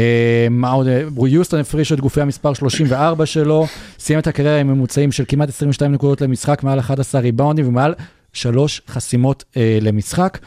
ואנחנו מדברים על הקים, The Dream, הלג'ואן. שמע, זה פה שומע. אולי הכי אמוציונלי. שאגב, הוא מקום שישי, נכון? וגם אם אני לא. טועה... חמישי? עכשיו אה, אנחנו חמישי. אצלנו חמישי. כן. משה, תעזור לו בכלל. אמרת זה- כבר שהיה לו חולם. 22 נקודות, 11 ריבאונד ומעל שלוש חסימות למשחק ממוצע קריירה. עכשיו הוא אמר, את זה, זה קריירה. אתה רוצה שהוא יעזור לי? לא, אתה מבין שהוא לא יודע איזה מספר זה הוא, אמר את הסטטיסטיקה אנחנו אומרים כפול. רגע, רגע, רגע, בואו בוא נעשה סדר. קודם כל, אה, שלוש למשחק. אני רציתי להדגיש את זה. אקים אולג'ואן הוא, מכל השמות שאמרנו, ומכל השמות שנגיד, השחקן, הסנטר הכי מוכשר, כישרון נטו, כישרון גולמי, שיש פה ברשימה הזו. הוא הסנטר הכי מוכשר בהיסטוריה. הבן אדם היה בלרינה בגובה של שני מטרים וכמה, 17, 18, אם אני לא טועה. פחות. הוא היה כל כך יפה לעין. אה, אפרופו, דיברנו על... על- על- תן לי להישען אחורה. כשאני, כשאני, אה, גדלתי כסנטר, במכבי רחובות, בכיתה ז' או בכיתה ח', כל העולם. כולם רצו להיות מייקל ג'ורדן, be like Mike, אני רצית רציתי להיות הקים. מרקוביץ'. כל ה... כן, ואני הייתי... וכל ההטיות כתפיים, כל ה dream, כל הדברים האלה, אני באמת, באמת חושב שזה הדבר הכי יפה. אני חושב שהמהלך הכי יפה שאני ראיתי בהיסטוריה של הכדורסל, זה הקים הלג'ואן, אה, אה, לוקח ריבאונד, הולך עם כדרור שמאלה אל דיוויד רובינסון, מסתובב עליו, ודייוויד רובינסון לא בכיוון בכלל, במהירות פנטסטית של בטח בן אדם שחקן גבוה, 2 מטרים 13 סנטימטרים. זה היה כל כך יפה לעין. ואולי הדבר הכי משמעותי אצלו, כדי שנבין עד כמה הוא היה ענק, זה שכשהוא פרש ב-2002, הוא היה בטופ 10 בארבע קטגוריות שונות, גם בנקודות, גם בחסימות, גם בריבאונדים וגם בחטיפות. עד, כך, עד כדי כך הוא היה ורסטילי, זה היה השחקן שמייקל ג'ורדן הכי פחד ממנו. ויש שני דברים שמפריעים לו להיות גדול אפילו עוד יותר, חוץ מהשחקנים שנגיד לאבא.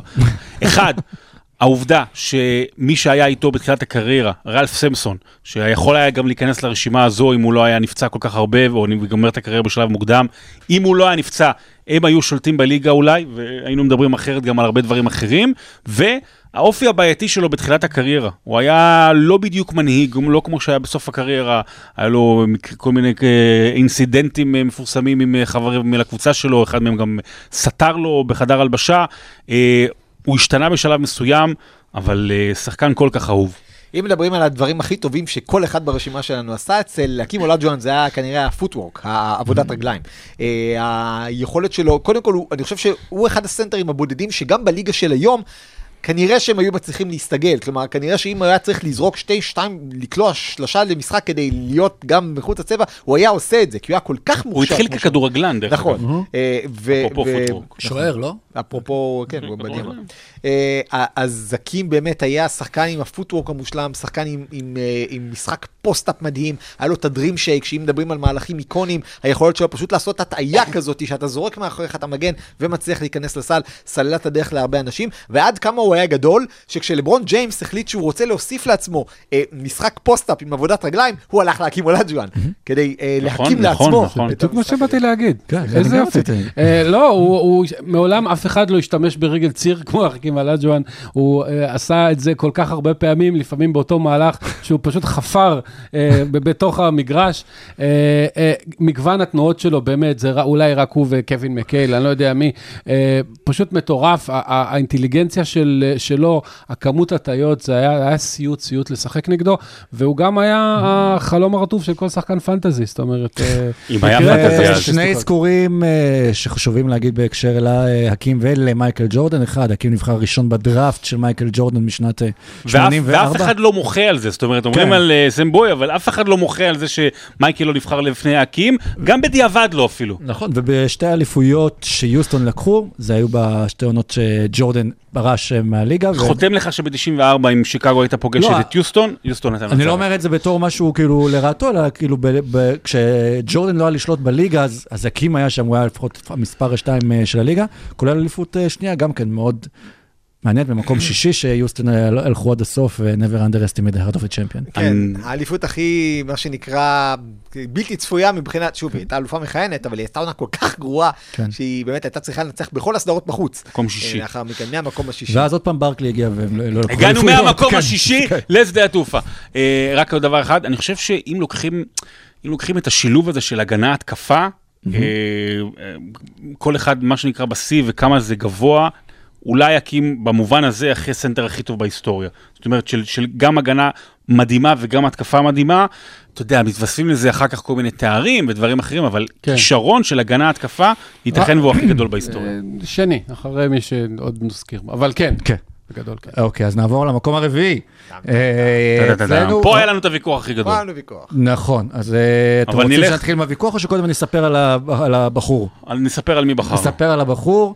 אה, לדעתי, בכלל, מאחר שיש לנו בעיה במקומות 2, 3 ו-4, אולי שווה פשוט להתחיל את הפרק הבא. בוא נסגור את הפרק. את החלק הבא עם דיון על השלושה. האלה. יאללה. זהו. שוב, זה ערב עם פרוק.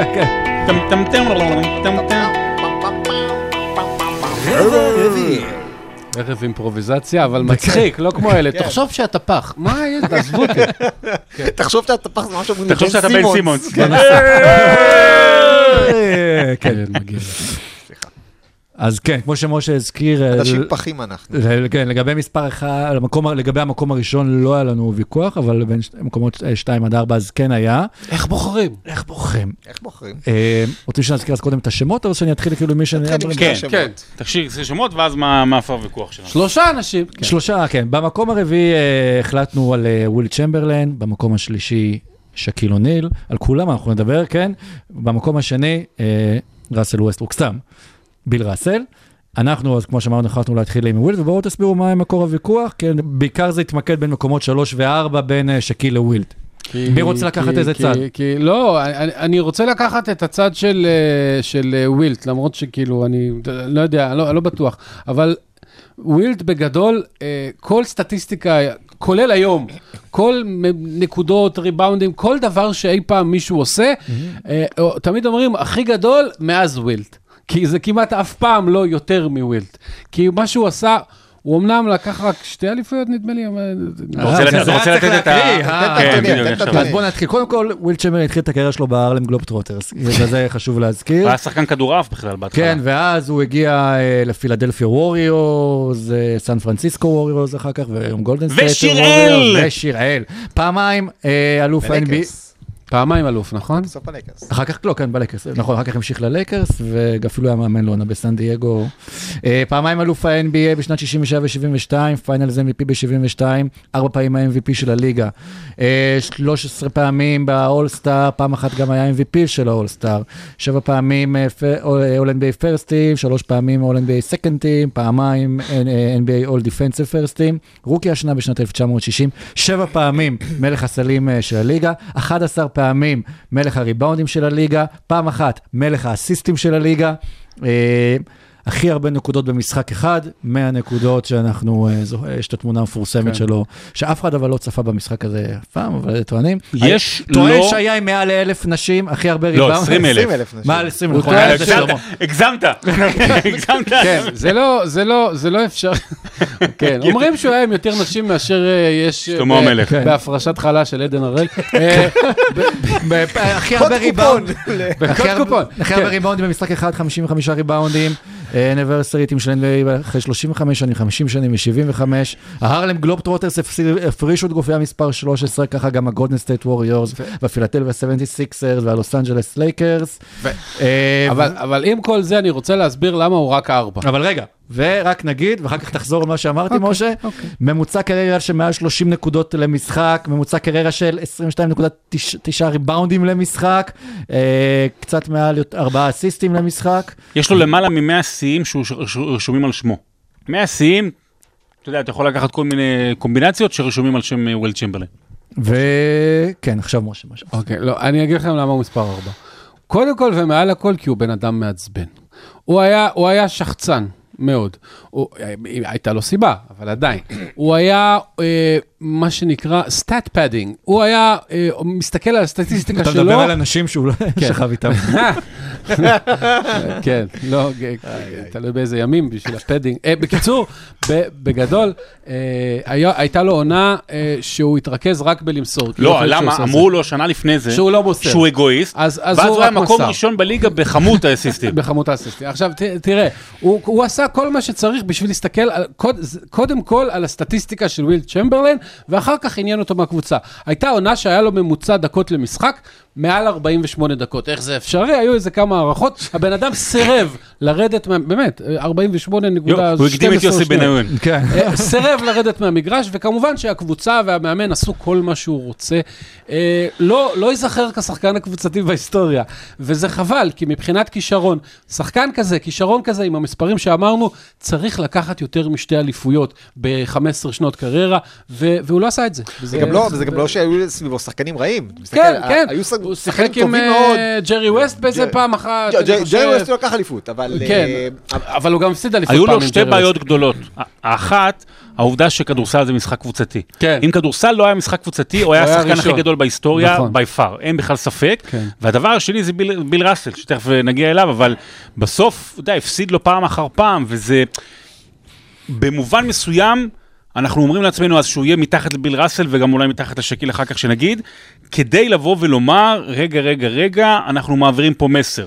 כדורסל זה משחק קבוצתי, לכן ווילט נענש במרכאות ויורד למטה. עד כמה זה, עד כמה הבן אדם היה למרות שהוא היה שחצן. מלך האסיסטים, כן, גם... כן, כן, כן, כן, דיברנו על כן, זה כן. שהוא- שאמרו עליו שהוא אגואיסט. אה, עד כמה הבן אדם היה שחצן, הוא- כשהוא שיחק בפילדלפיה הוא העדיף עדיין לגור בניו יורק, א', גם כי הייתה לו מסעדה שם שהוא תחזק, וגם בגלל שהוא אמר שהעיר הזאת גדולה, העיר הזאת קטנה מדי בשבילי. אה, הוא כאילו עד כדי כך היה כזה טיפוס גדול מהחיים ושחצן מהחיים, ו- וזה עצבן הרבה אנשים, ובאמת היו לו ממדים פיזיים שהיו הרבה יותר גדולים משל רוב השחקנים ב- בתקופה שלו, כך שהיה לו קל מאוד לשלוט. אה, פשוט היו מכניסים לו כדורים, והוא היה קולע מעל כולם, כי הוא היה נטוע שם בצבע. וגם לא ו- היה שלוש שניות, אז... אה, מן הסתם. כן. אה, דיברנו על ה-100 נקודות במשחק, דיבר משה על השיא של יותר מ-48 דקות אה, לממוצע לעונה. השיא של ה-100, אני לא יודע אם אתם שומעים את זה ב-2030, יש סיכוי שהוא ישבר. השיא של ה-48 דקות למשחק לא נשבר, ועוד שיא שלא יישבר, זה 4,029 נקודות בעונה אחת. הוא היה לו עונה עם הרבה? ממוצע של יותר מ-50 נקודות. בלי. שלשות. בלי שלשות. אבל אז השאלה אם אגב, מסתכלים... היה צריך להיות שלשות כי הוא היה כל הזמן בצבע. אבל עכשיו השאלה, כשמסתכלים על הסימה של וויט, וזה תמיד יעלה אה, אה, לדיון, האם כמו שלא מסתכלים על הסים של מערב גרמניה באולימפיאדה, למרות שפה לא היו מערבים סמים, פשוט... לא, אבל מזרח לא, אז תראה, גרמניה. זה כן, נכון כן. שהוא לא היה נגד שמות גדולים, אני כן אגיד כמה שמות שכן היו לא, אבל זה מולו. לא העניין של השמות, זה העניין של החוקים, כי לצורך העניין אתה יכול להגיד אם תשים את ויקטור ב- בתקופה שלו, אז הוא גם יחסום לא, יותר, אבל וגם רגע, אבל י- זה, אבל זה משהו שהוא לא הוגן. אתה, בסוף אתה משווה, אתה לא משווה, להיות פר. אתה משווה פר התקופה שבה היית. האם היית גדול, גרמניה. כמו למשל, פ, סתם, אני אלך אה? על כדורגל, פלה, אוקיי, פלה, הוא היה ממש גדול, אומרים הגנות היו ככה ושחקנים היו ככה, אבל יחסית לתקופה שלו, הוא הקדים את זמנו. וויל צ'מברליין גרם לכך שהכניסו את ה offensive goaltending בליגה, אה, איסור הכנסת כדור חוץ מתחת לטבעת, אה, איסור לעבור את הקו בזריקת עונשין. אתה יודע למה? כי הוא היה זורק עונשין, ואז כאילו הוא יודע שהוא מחטיא, הוא פשוט היה רץ מהר עוד לפני שהכדור מגיע לטבעת, כן. ולוקח את הריבון של עצמו. זה כמו ששקיל עשה באולסטאר אה, כמה פעמים, ומגריידי, אז הוא עשה את זה כאילו זה היה חוקי בזמנו. אה, אבל אז- בגלל זה כשאומרים על אבל הוא הסטטיסטיקות שינה כביכול, את הכדורסל הרבה. כן. בגללו השתנו הרבה אבל חוקים. כשאומרים על סטטיסטיקות באמת כאילו שפעם לא יישברו, אבל צריך לשים אותם בהקשר ה... כן. בגלל זה הוא רק מקום רביעי. הוא כנראה היה הפריק האתלט הכי גדול ברשימה. לגמרי. אה, שחקן שבאמת לא רק היה 2.18, אלא גם היה לו ניתור אנכי של איזה מטר. שזה אה, מהבחינה הזאת, רק דווייט האווארד היה, אה, מבחינת הניתור, היה בכלל קרוב מהדבר הזה, ובאמת, זאת אחת מהסיבות שהיה לו כל כך הרבה יותר קל לקלוע, כי הוא לא רק היה יותר גבוה מכולם, הוא גם קפץ הרבה יותר גבוה. גם דיברנו. על זה שהוא היה מאוד אגואיסט, אז זה הגיוני שיהיה לו ניתור אנכי. טוב, שזה אגב הרבה יותר טוב מניטור אופקי, סתם שתדע. זה למרות שלפוסברי זה עבד. כן. אוקיי, נעבור אז אה, למקום השלישי? שלישי. שלישי יכול להיות שם אה, מצליח אה, בכל, בכל תקופה שתשימו אותו, אולי, כן, גם עכשיו, אבל אנחנו גם כן נדבר על זה. הוא נבחר במקום הראשון בדראפט בשנת אה, 92 על ידי האורלנדו מג'יק. אה, אחרי שלמד ב-LSU, ארבע פעמים אלוף ה-NBA, שלוש פעמים Finals MVP, פעם אחת ה-MVP של הליגה, 15 פעמים ב All-Star, ואולי הדמות הכי מזוהה עם ה All-Star של ה-NBA, אולי אחת הכי אה, משפיעות. הכי אהובות. הכי אהובות, שלוש פעמים ה-MVP של All-Star, שמונה פעמים בחמישייה הראשונה, פעמיים בחמישייה השנייה, פעמים בחמישייה השלישית, שלוש פעמים בחמישיית אה, ההגנה השנייה, NBA Rookie of the Year, מלך הסלים פעמיים, והלייקרס הפרישו את גופייה מספר 34 שלו, מיאמי הפרישו את גופייה מספר 32 שלו, אה, מעל... אורלנדו לא הפרישו את המספר שלו? לא, הוא היה שם ארבע לא, עונות, וגם הייתה. לו בריחה מכוערת כזאת משם. כן. חצי דה. חצי דקה. כן, כמעט 24 נקודות למשחק בקריירה, אה, כמעט המשלשים. 11 ריבאונדים למשחק בקריירה, ומעל אה, שתי חסימות למשחק בקריירה, ואנחנו מדברים על שקיל אוניל. כן, שמע, שקיל. אוניל. שקיל אוניל. ולמרות שהוא לא ראשון פה, אבל הוא רק שלישי. הוא הרג את הסנטר הישן. למה? כי מה שנקרא, כש, כשמשהו הוא מוגזם מדי, כשמשהו הוא טוב מדי, כשמשהו הוא מוחצן או עובר את הגבול, אז רגע, אומרים, חבר'ה, שנייה, משהו פה זה בלתי אפשרי. ובגלל שהוא היה כל כך טוב, הוא במו ידו, במו ידיו, במו תחתו, במו עוצמתו, הרג את המהות של הסנטר הישן. הוא הגיע לליגה בעידן הטיטנים של אה, פטריק יואינג ואלונזו מורנינג הגיע יחד איתו, והאקים אולג'ואן אה, ודייוויד רובינסון וכמה סנטרים שנמצאים פה ועוד כמה שלא אמרנו ודיקמבה מוטומבו ואחרים, ועדיין הוא היה יותר גדול ויותר דומיננטי מהם. שקיל אוניל היה שחקן הכדורסל הכי דומיננטי בעידן המודרני. זה יותר- הכינוי שלו, MDE, most dominant ever. היו לו הרבה, הרבה כינויים. אה, גם יותר ממייקל ג'ורדן, זאת אומרת, כשהוא על המגרש וכשהוא טוב. שקיל אוניל, אם הוא היה מחליט, אם הוא היה מחליט, אם הוא היה רוצה להיות יותר טוב, אם היה לו מוסר עבודה ב-20-30 אחוז טוב יותר, הוא יכול היה להיות גם שחקן הכדורסל הכי טוב בעולם, הכי טוב בהיסטוריה. אבל הוא לא רצה להיות. הוא רצה להיות שקיל אוניל, וזה משהו הרבה יותר משמעותי. ואני אגיד עוד דבר אחד, כאילו, על ההשפעה שלו, וכמה אוהבים אותו, וכמה שהוא מצחיק, וכמה כיף שהייתה את הדמות שלו. אבל כסנטר, אנחנו מדברים היום על הליגה, וכמה סטף קרי השפיע, וכמה הליגה השתנתה בזכות סטף, ואולי אחרים ב-10-20 שנה האחרונות. אין בן אדם בעידן המודרני ששינה את הליגה יותר משקיל אוניל. בגלל שקיל אוניל נוצרו הסטף קרי ונוצר המשחק של היום. נוצר המשחק של היום בגלל הדומיננטיות של שקיל אוניל והחוקים הכי משמעותיים של הליגה בעידן המודרני השתנו בגללו. שזה החוקים אה, שקודם כל אה, אפשרו הגנה אזורית כדי לתת לקבוצות לשים יותר שחקנים בין שק לבין הטבעת, שזה מטורף.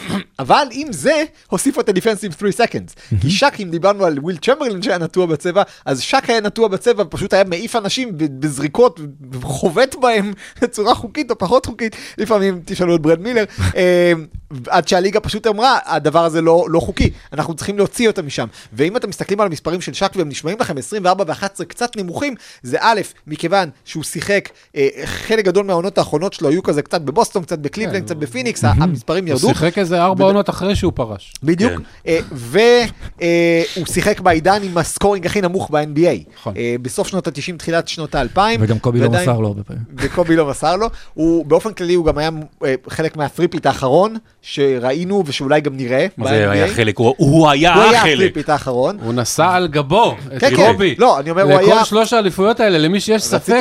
הוא לקח את קובי על הגב בכל שלוש האליפויות, וחבל שלא לקח אותו על הגב ב-2020 לאימון.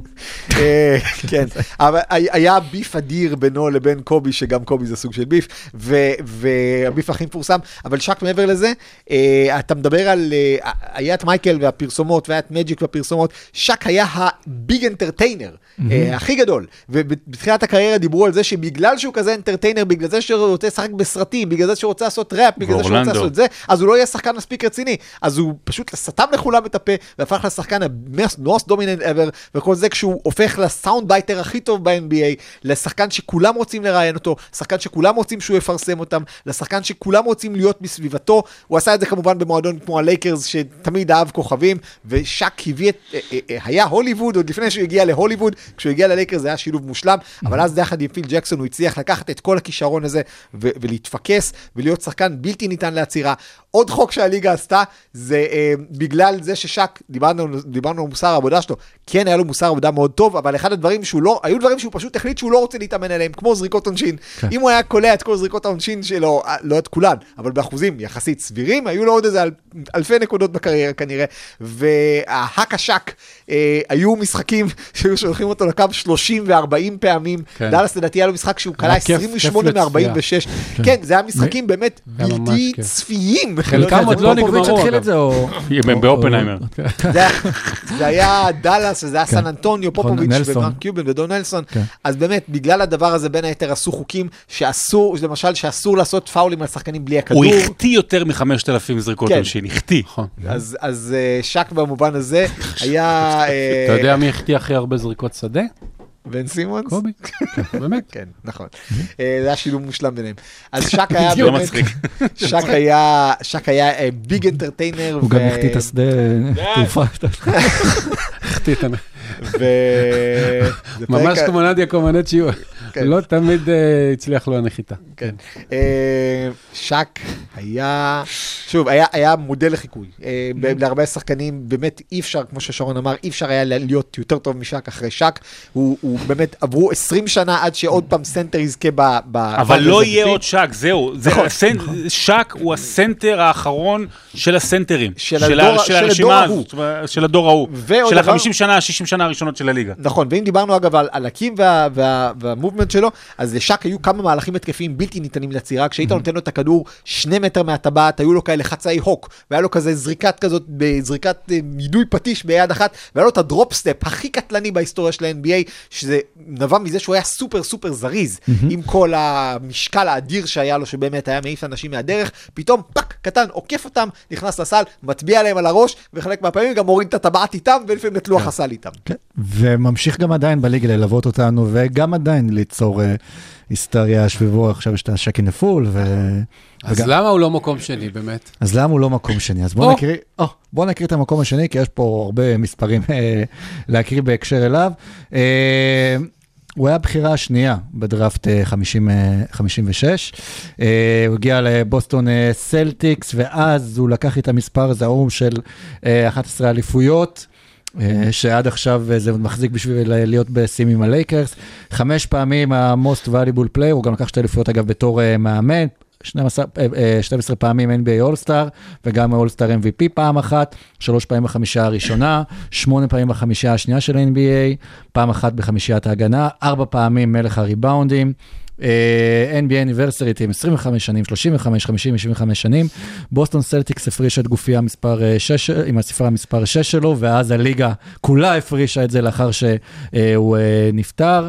ולא פחות אה, חשוב, קיבל את ה Presidential Medal of Freedom, נכון? זה היה מברק אובמה? כן, הוא היה אני לא הכדורסלן טועה? הראשון שמקבל את עיטור עיטור החופש, אה, עיטור החופש הנשיאותי, שזה ה- העיטור הכי גבוה לאזרח. וכבר אנחנו אמריקאי. אה, גם אה, נסביר אה, למה, מעל 15 נקודות למשחק, מעל 22 ריבאונדים למשחק ממוצע בקריירה, ארבעה אסיסטים, וזהו ביל פלטון ראסל.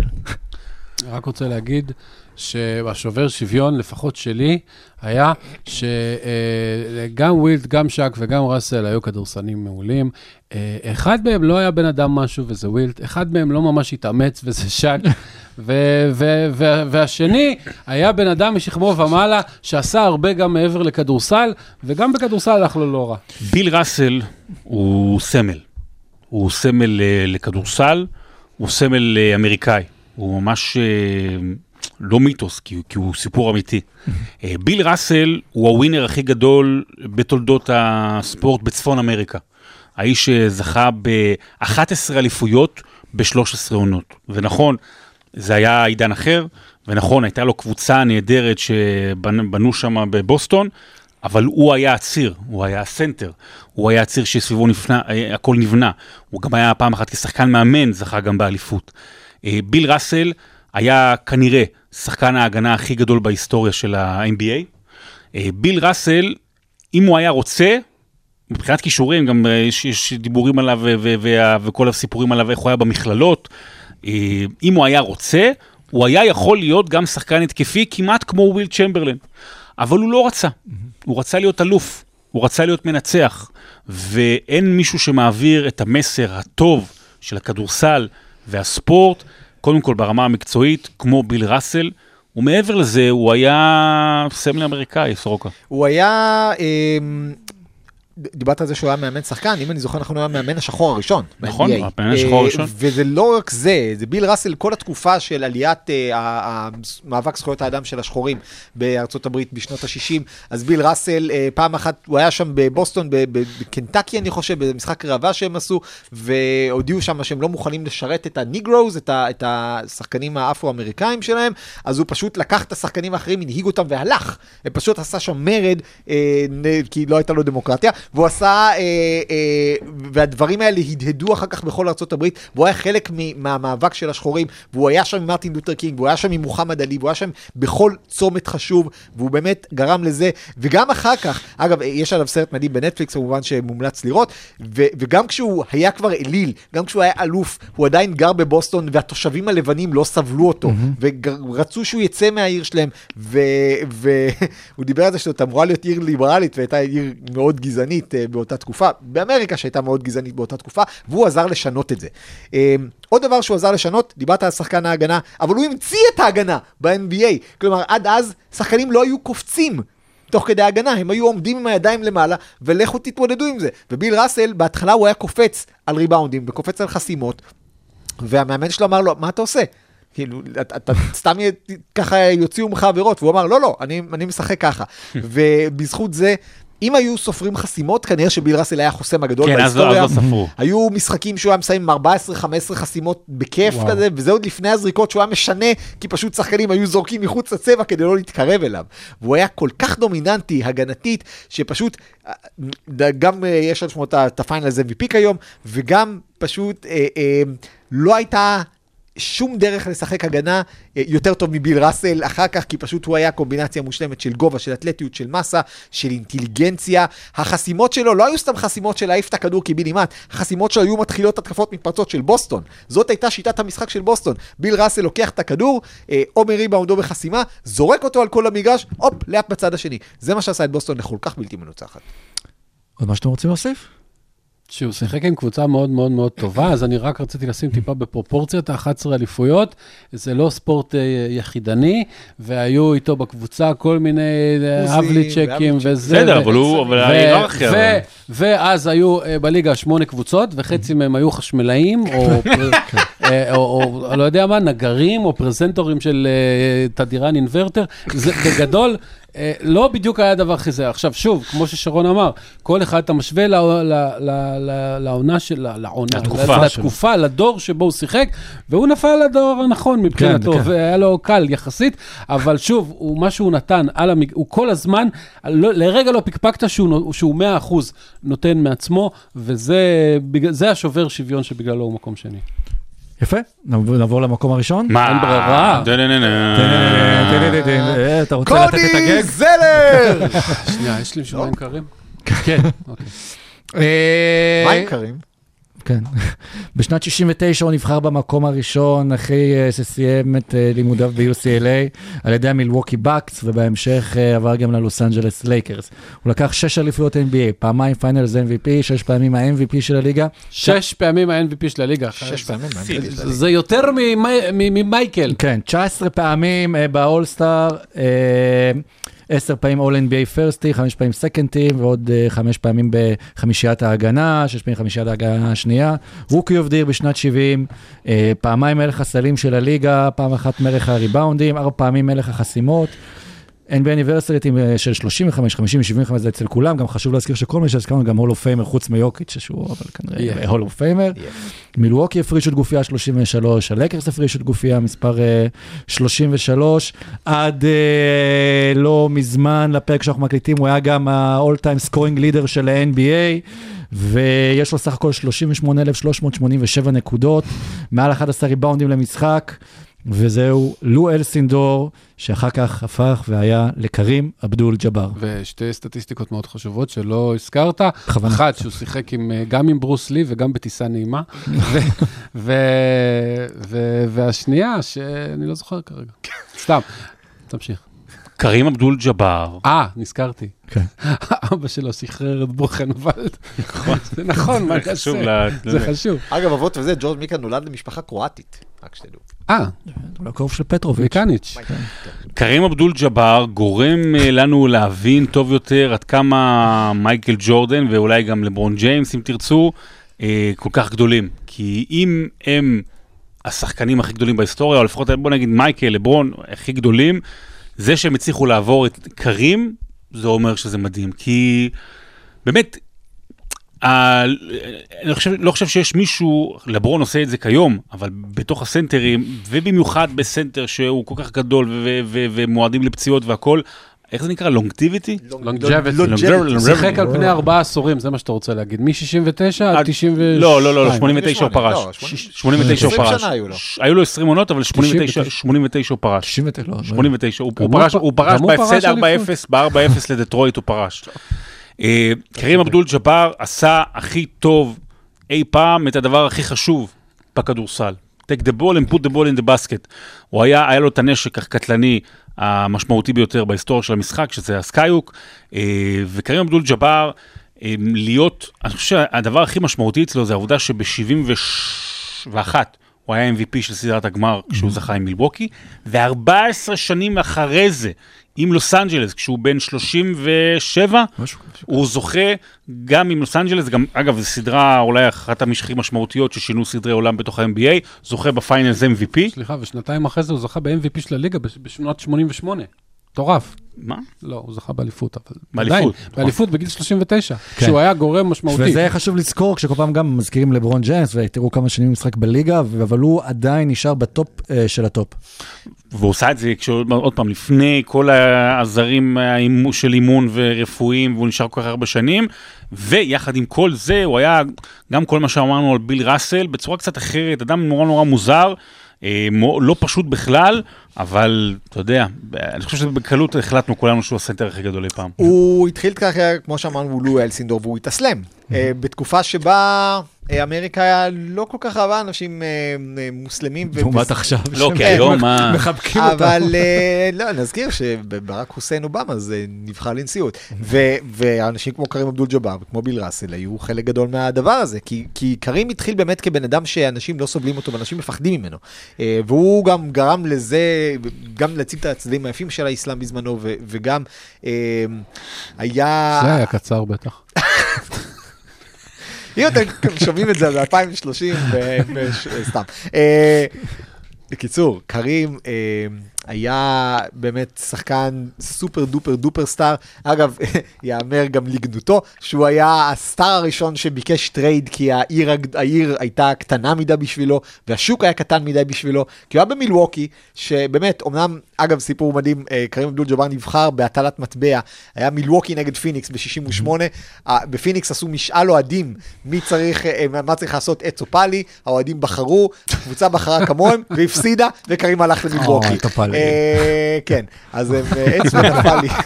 אה, טופלי. אז אז קרים הלך למילווקי בעונה השלישית שלו, כבר הוביל אותם לאליפות היחידה בתולדותיהם עד שיאניס הגיע אה, באמת לפני שנתיים. ו... וה superstar, בסופו של דבר הוא הציב אולטימטום למילווקי, אה, הוא נפגש שם עם הבעלים לארוחת ערב ואמר להם וקיווה שזה לא יצא, ומישהו פרסם את זה כמה אה, חודשים אחר כך.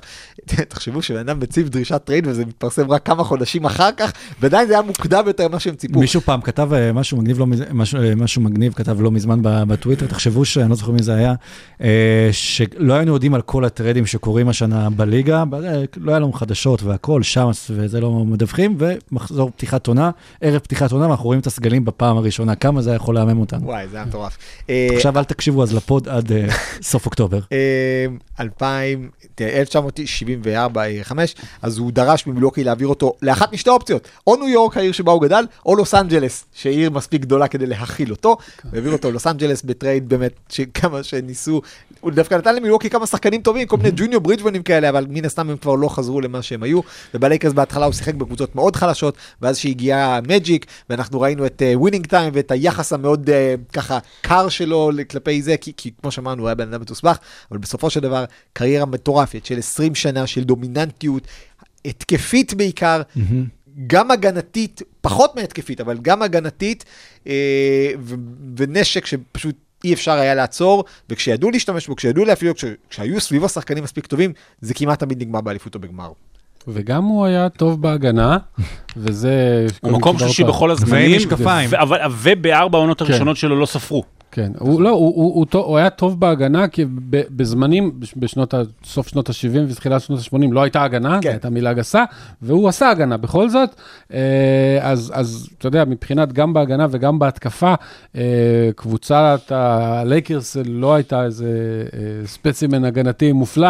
חוץ ממנו, וזה הספיק להם לאליפויות, אז כאילו, עד כדי כך הוא היה טוב. ואם דיברנו אגב על, על סמלים, אז אחרי מותו של ביל ראסל, אבל גם תקופה מסוימת, קרים אבדול ג'אבר היום הוא, הוא statue, הוא, הוא פסל. הוא ה elder statesman הבולט של הליגה, הוא היה ככה עם ראסל עד אה, למותו של ראסל, אה, והיום אם אתה מחפש איזשהו סטנדרט מוסרי, אה, אז, אז קרים נמצא שם. וכשלברון ג'יימס עושה דברים ש, ששכונתיים מדי, אז קרים אבדול ג'אבר בא ומעמיד אותו במקום, ויש לו pod, ויש לו ספר, והוא מאוד מאוד מאוד פעיל עדיין, גם בגיל... 75. 70 ו- כן, אה, אבל הוא, הוא בניגוד לכל מיני ברקליס וכאלה שמעמידים במקום, הוא עושה את זה בצורה מאוד חכמה. מאוד אלגנטית.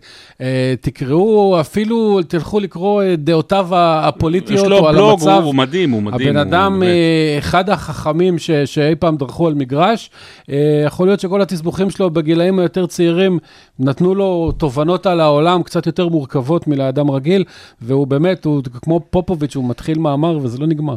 ולסיים ונגיד, וקרים אבדול ג'ב- ג'אבר נוגע בשמיים.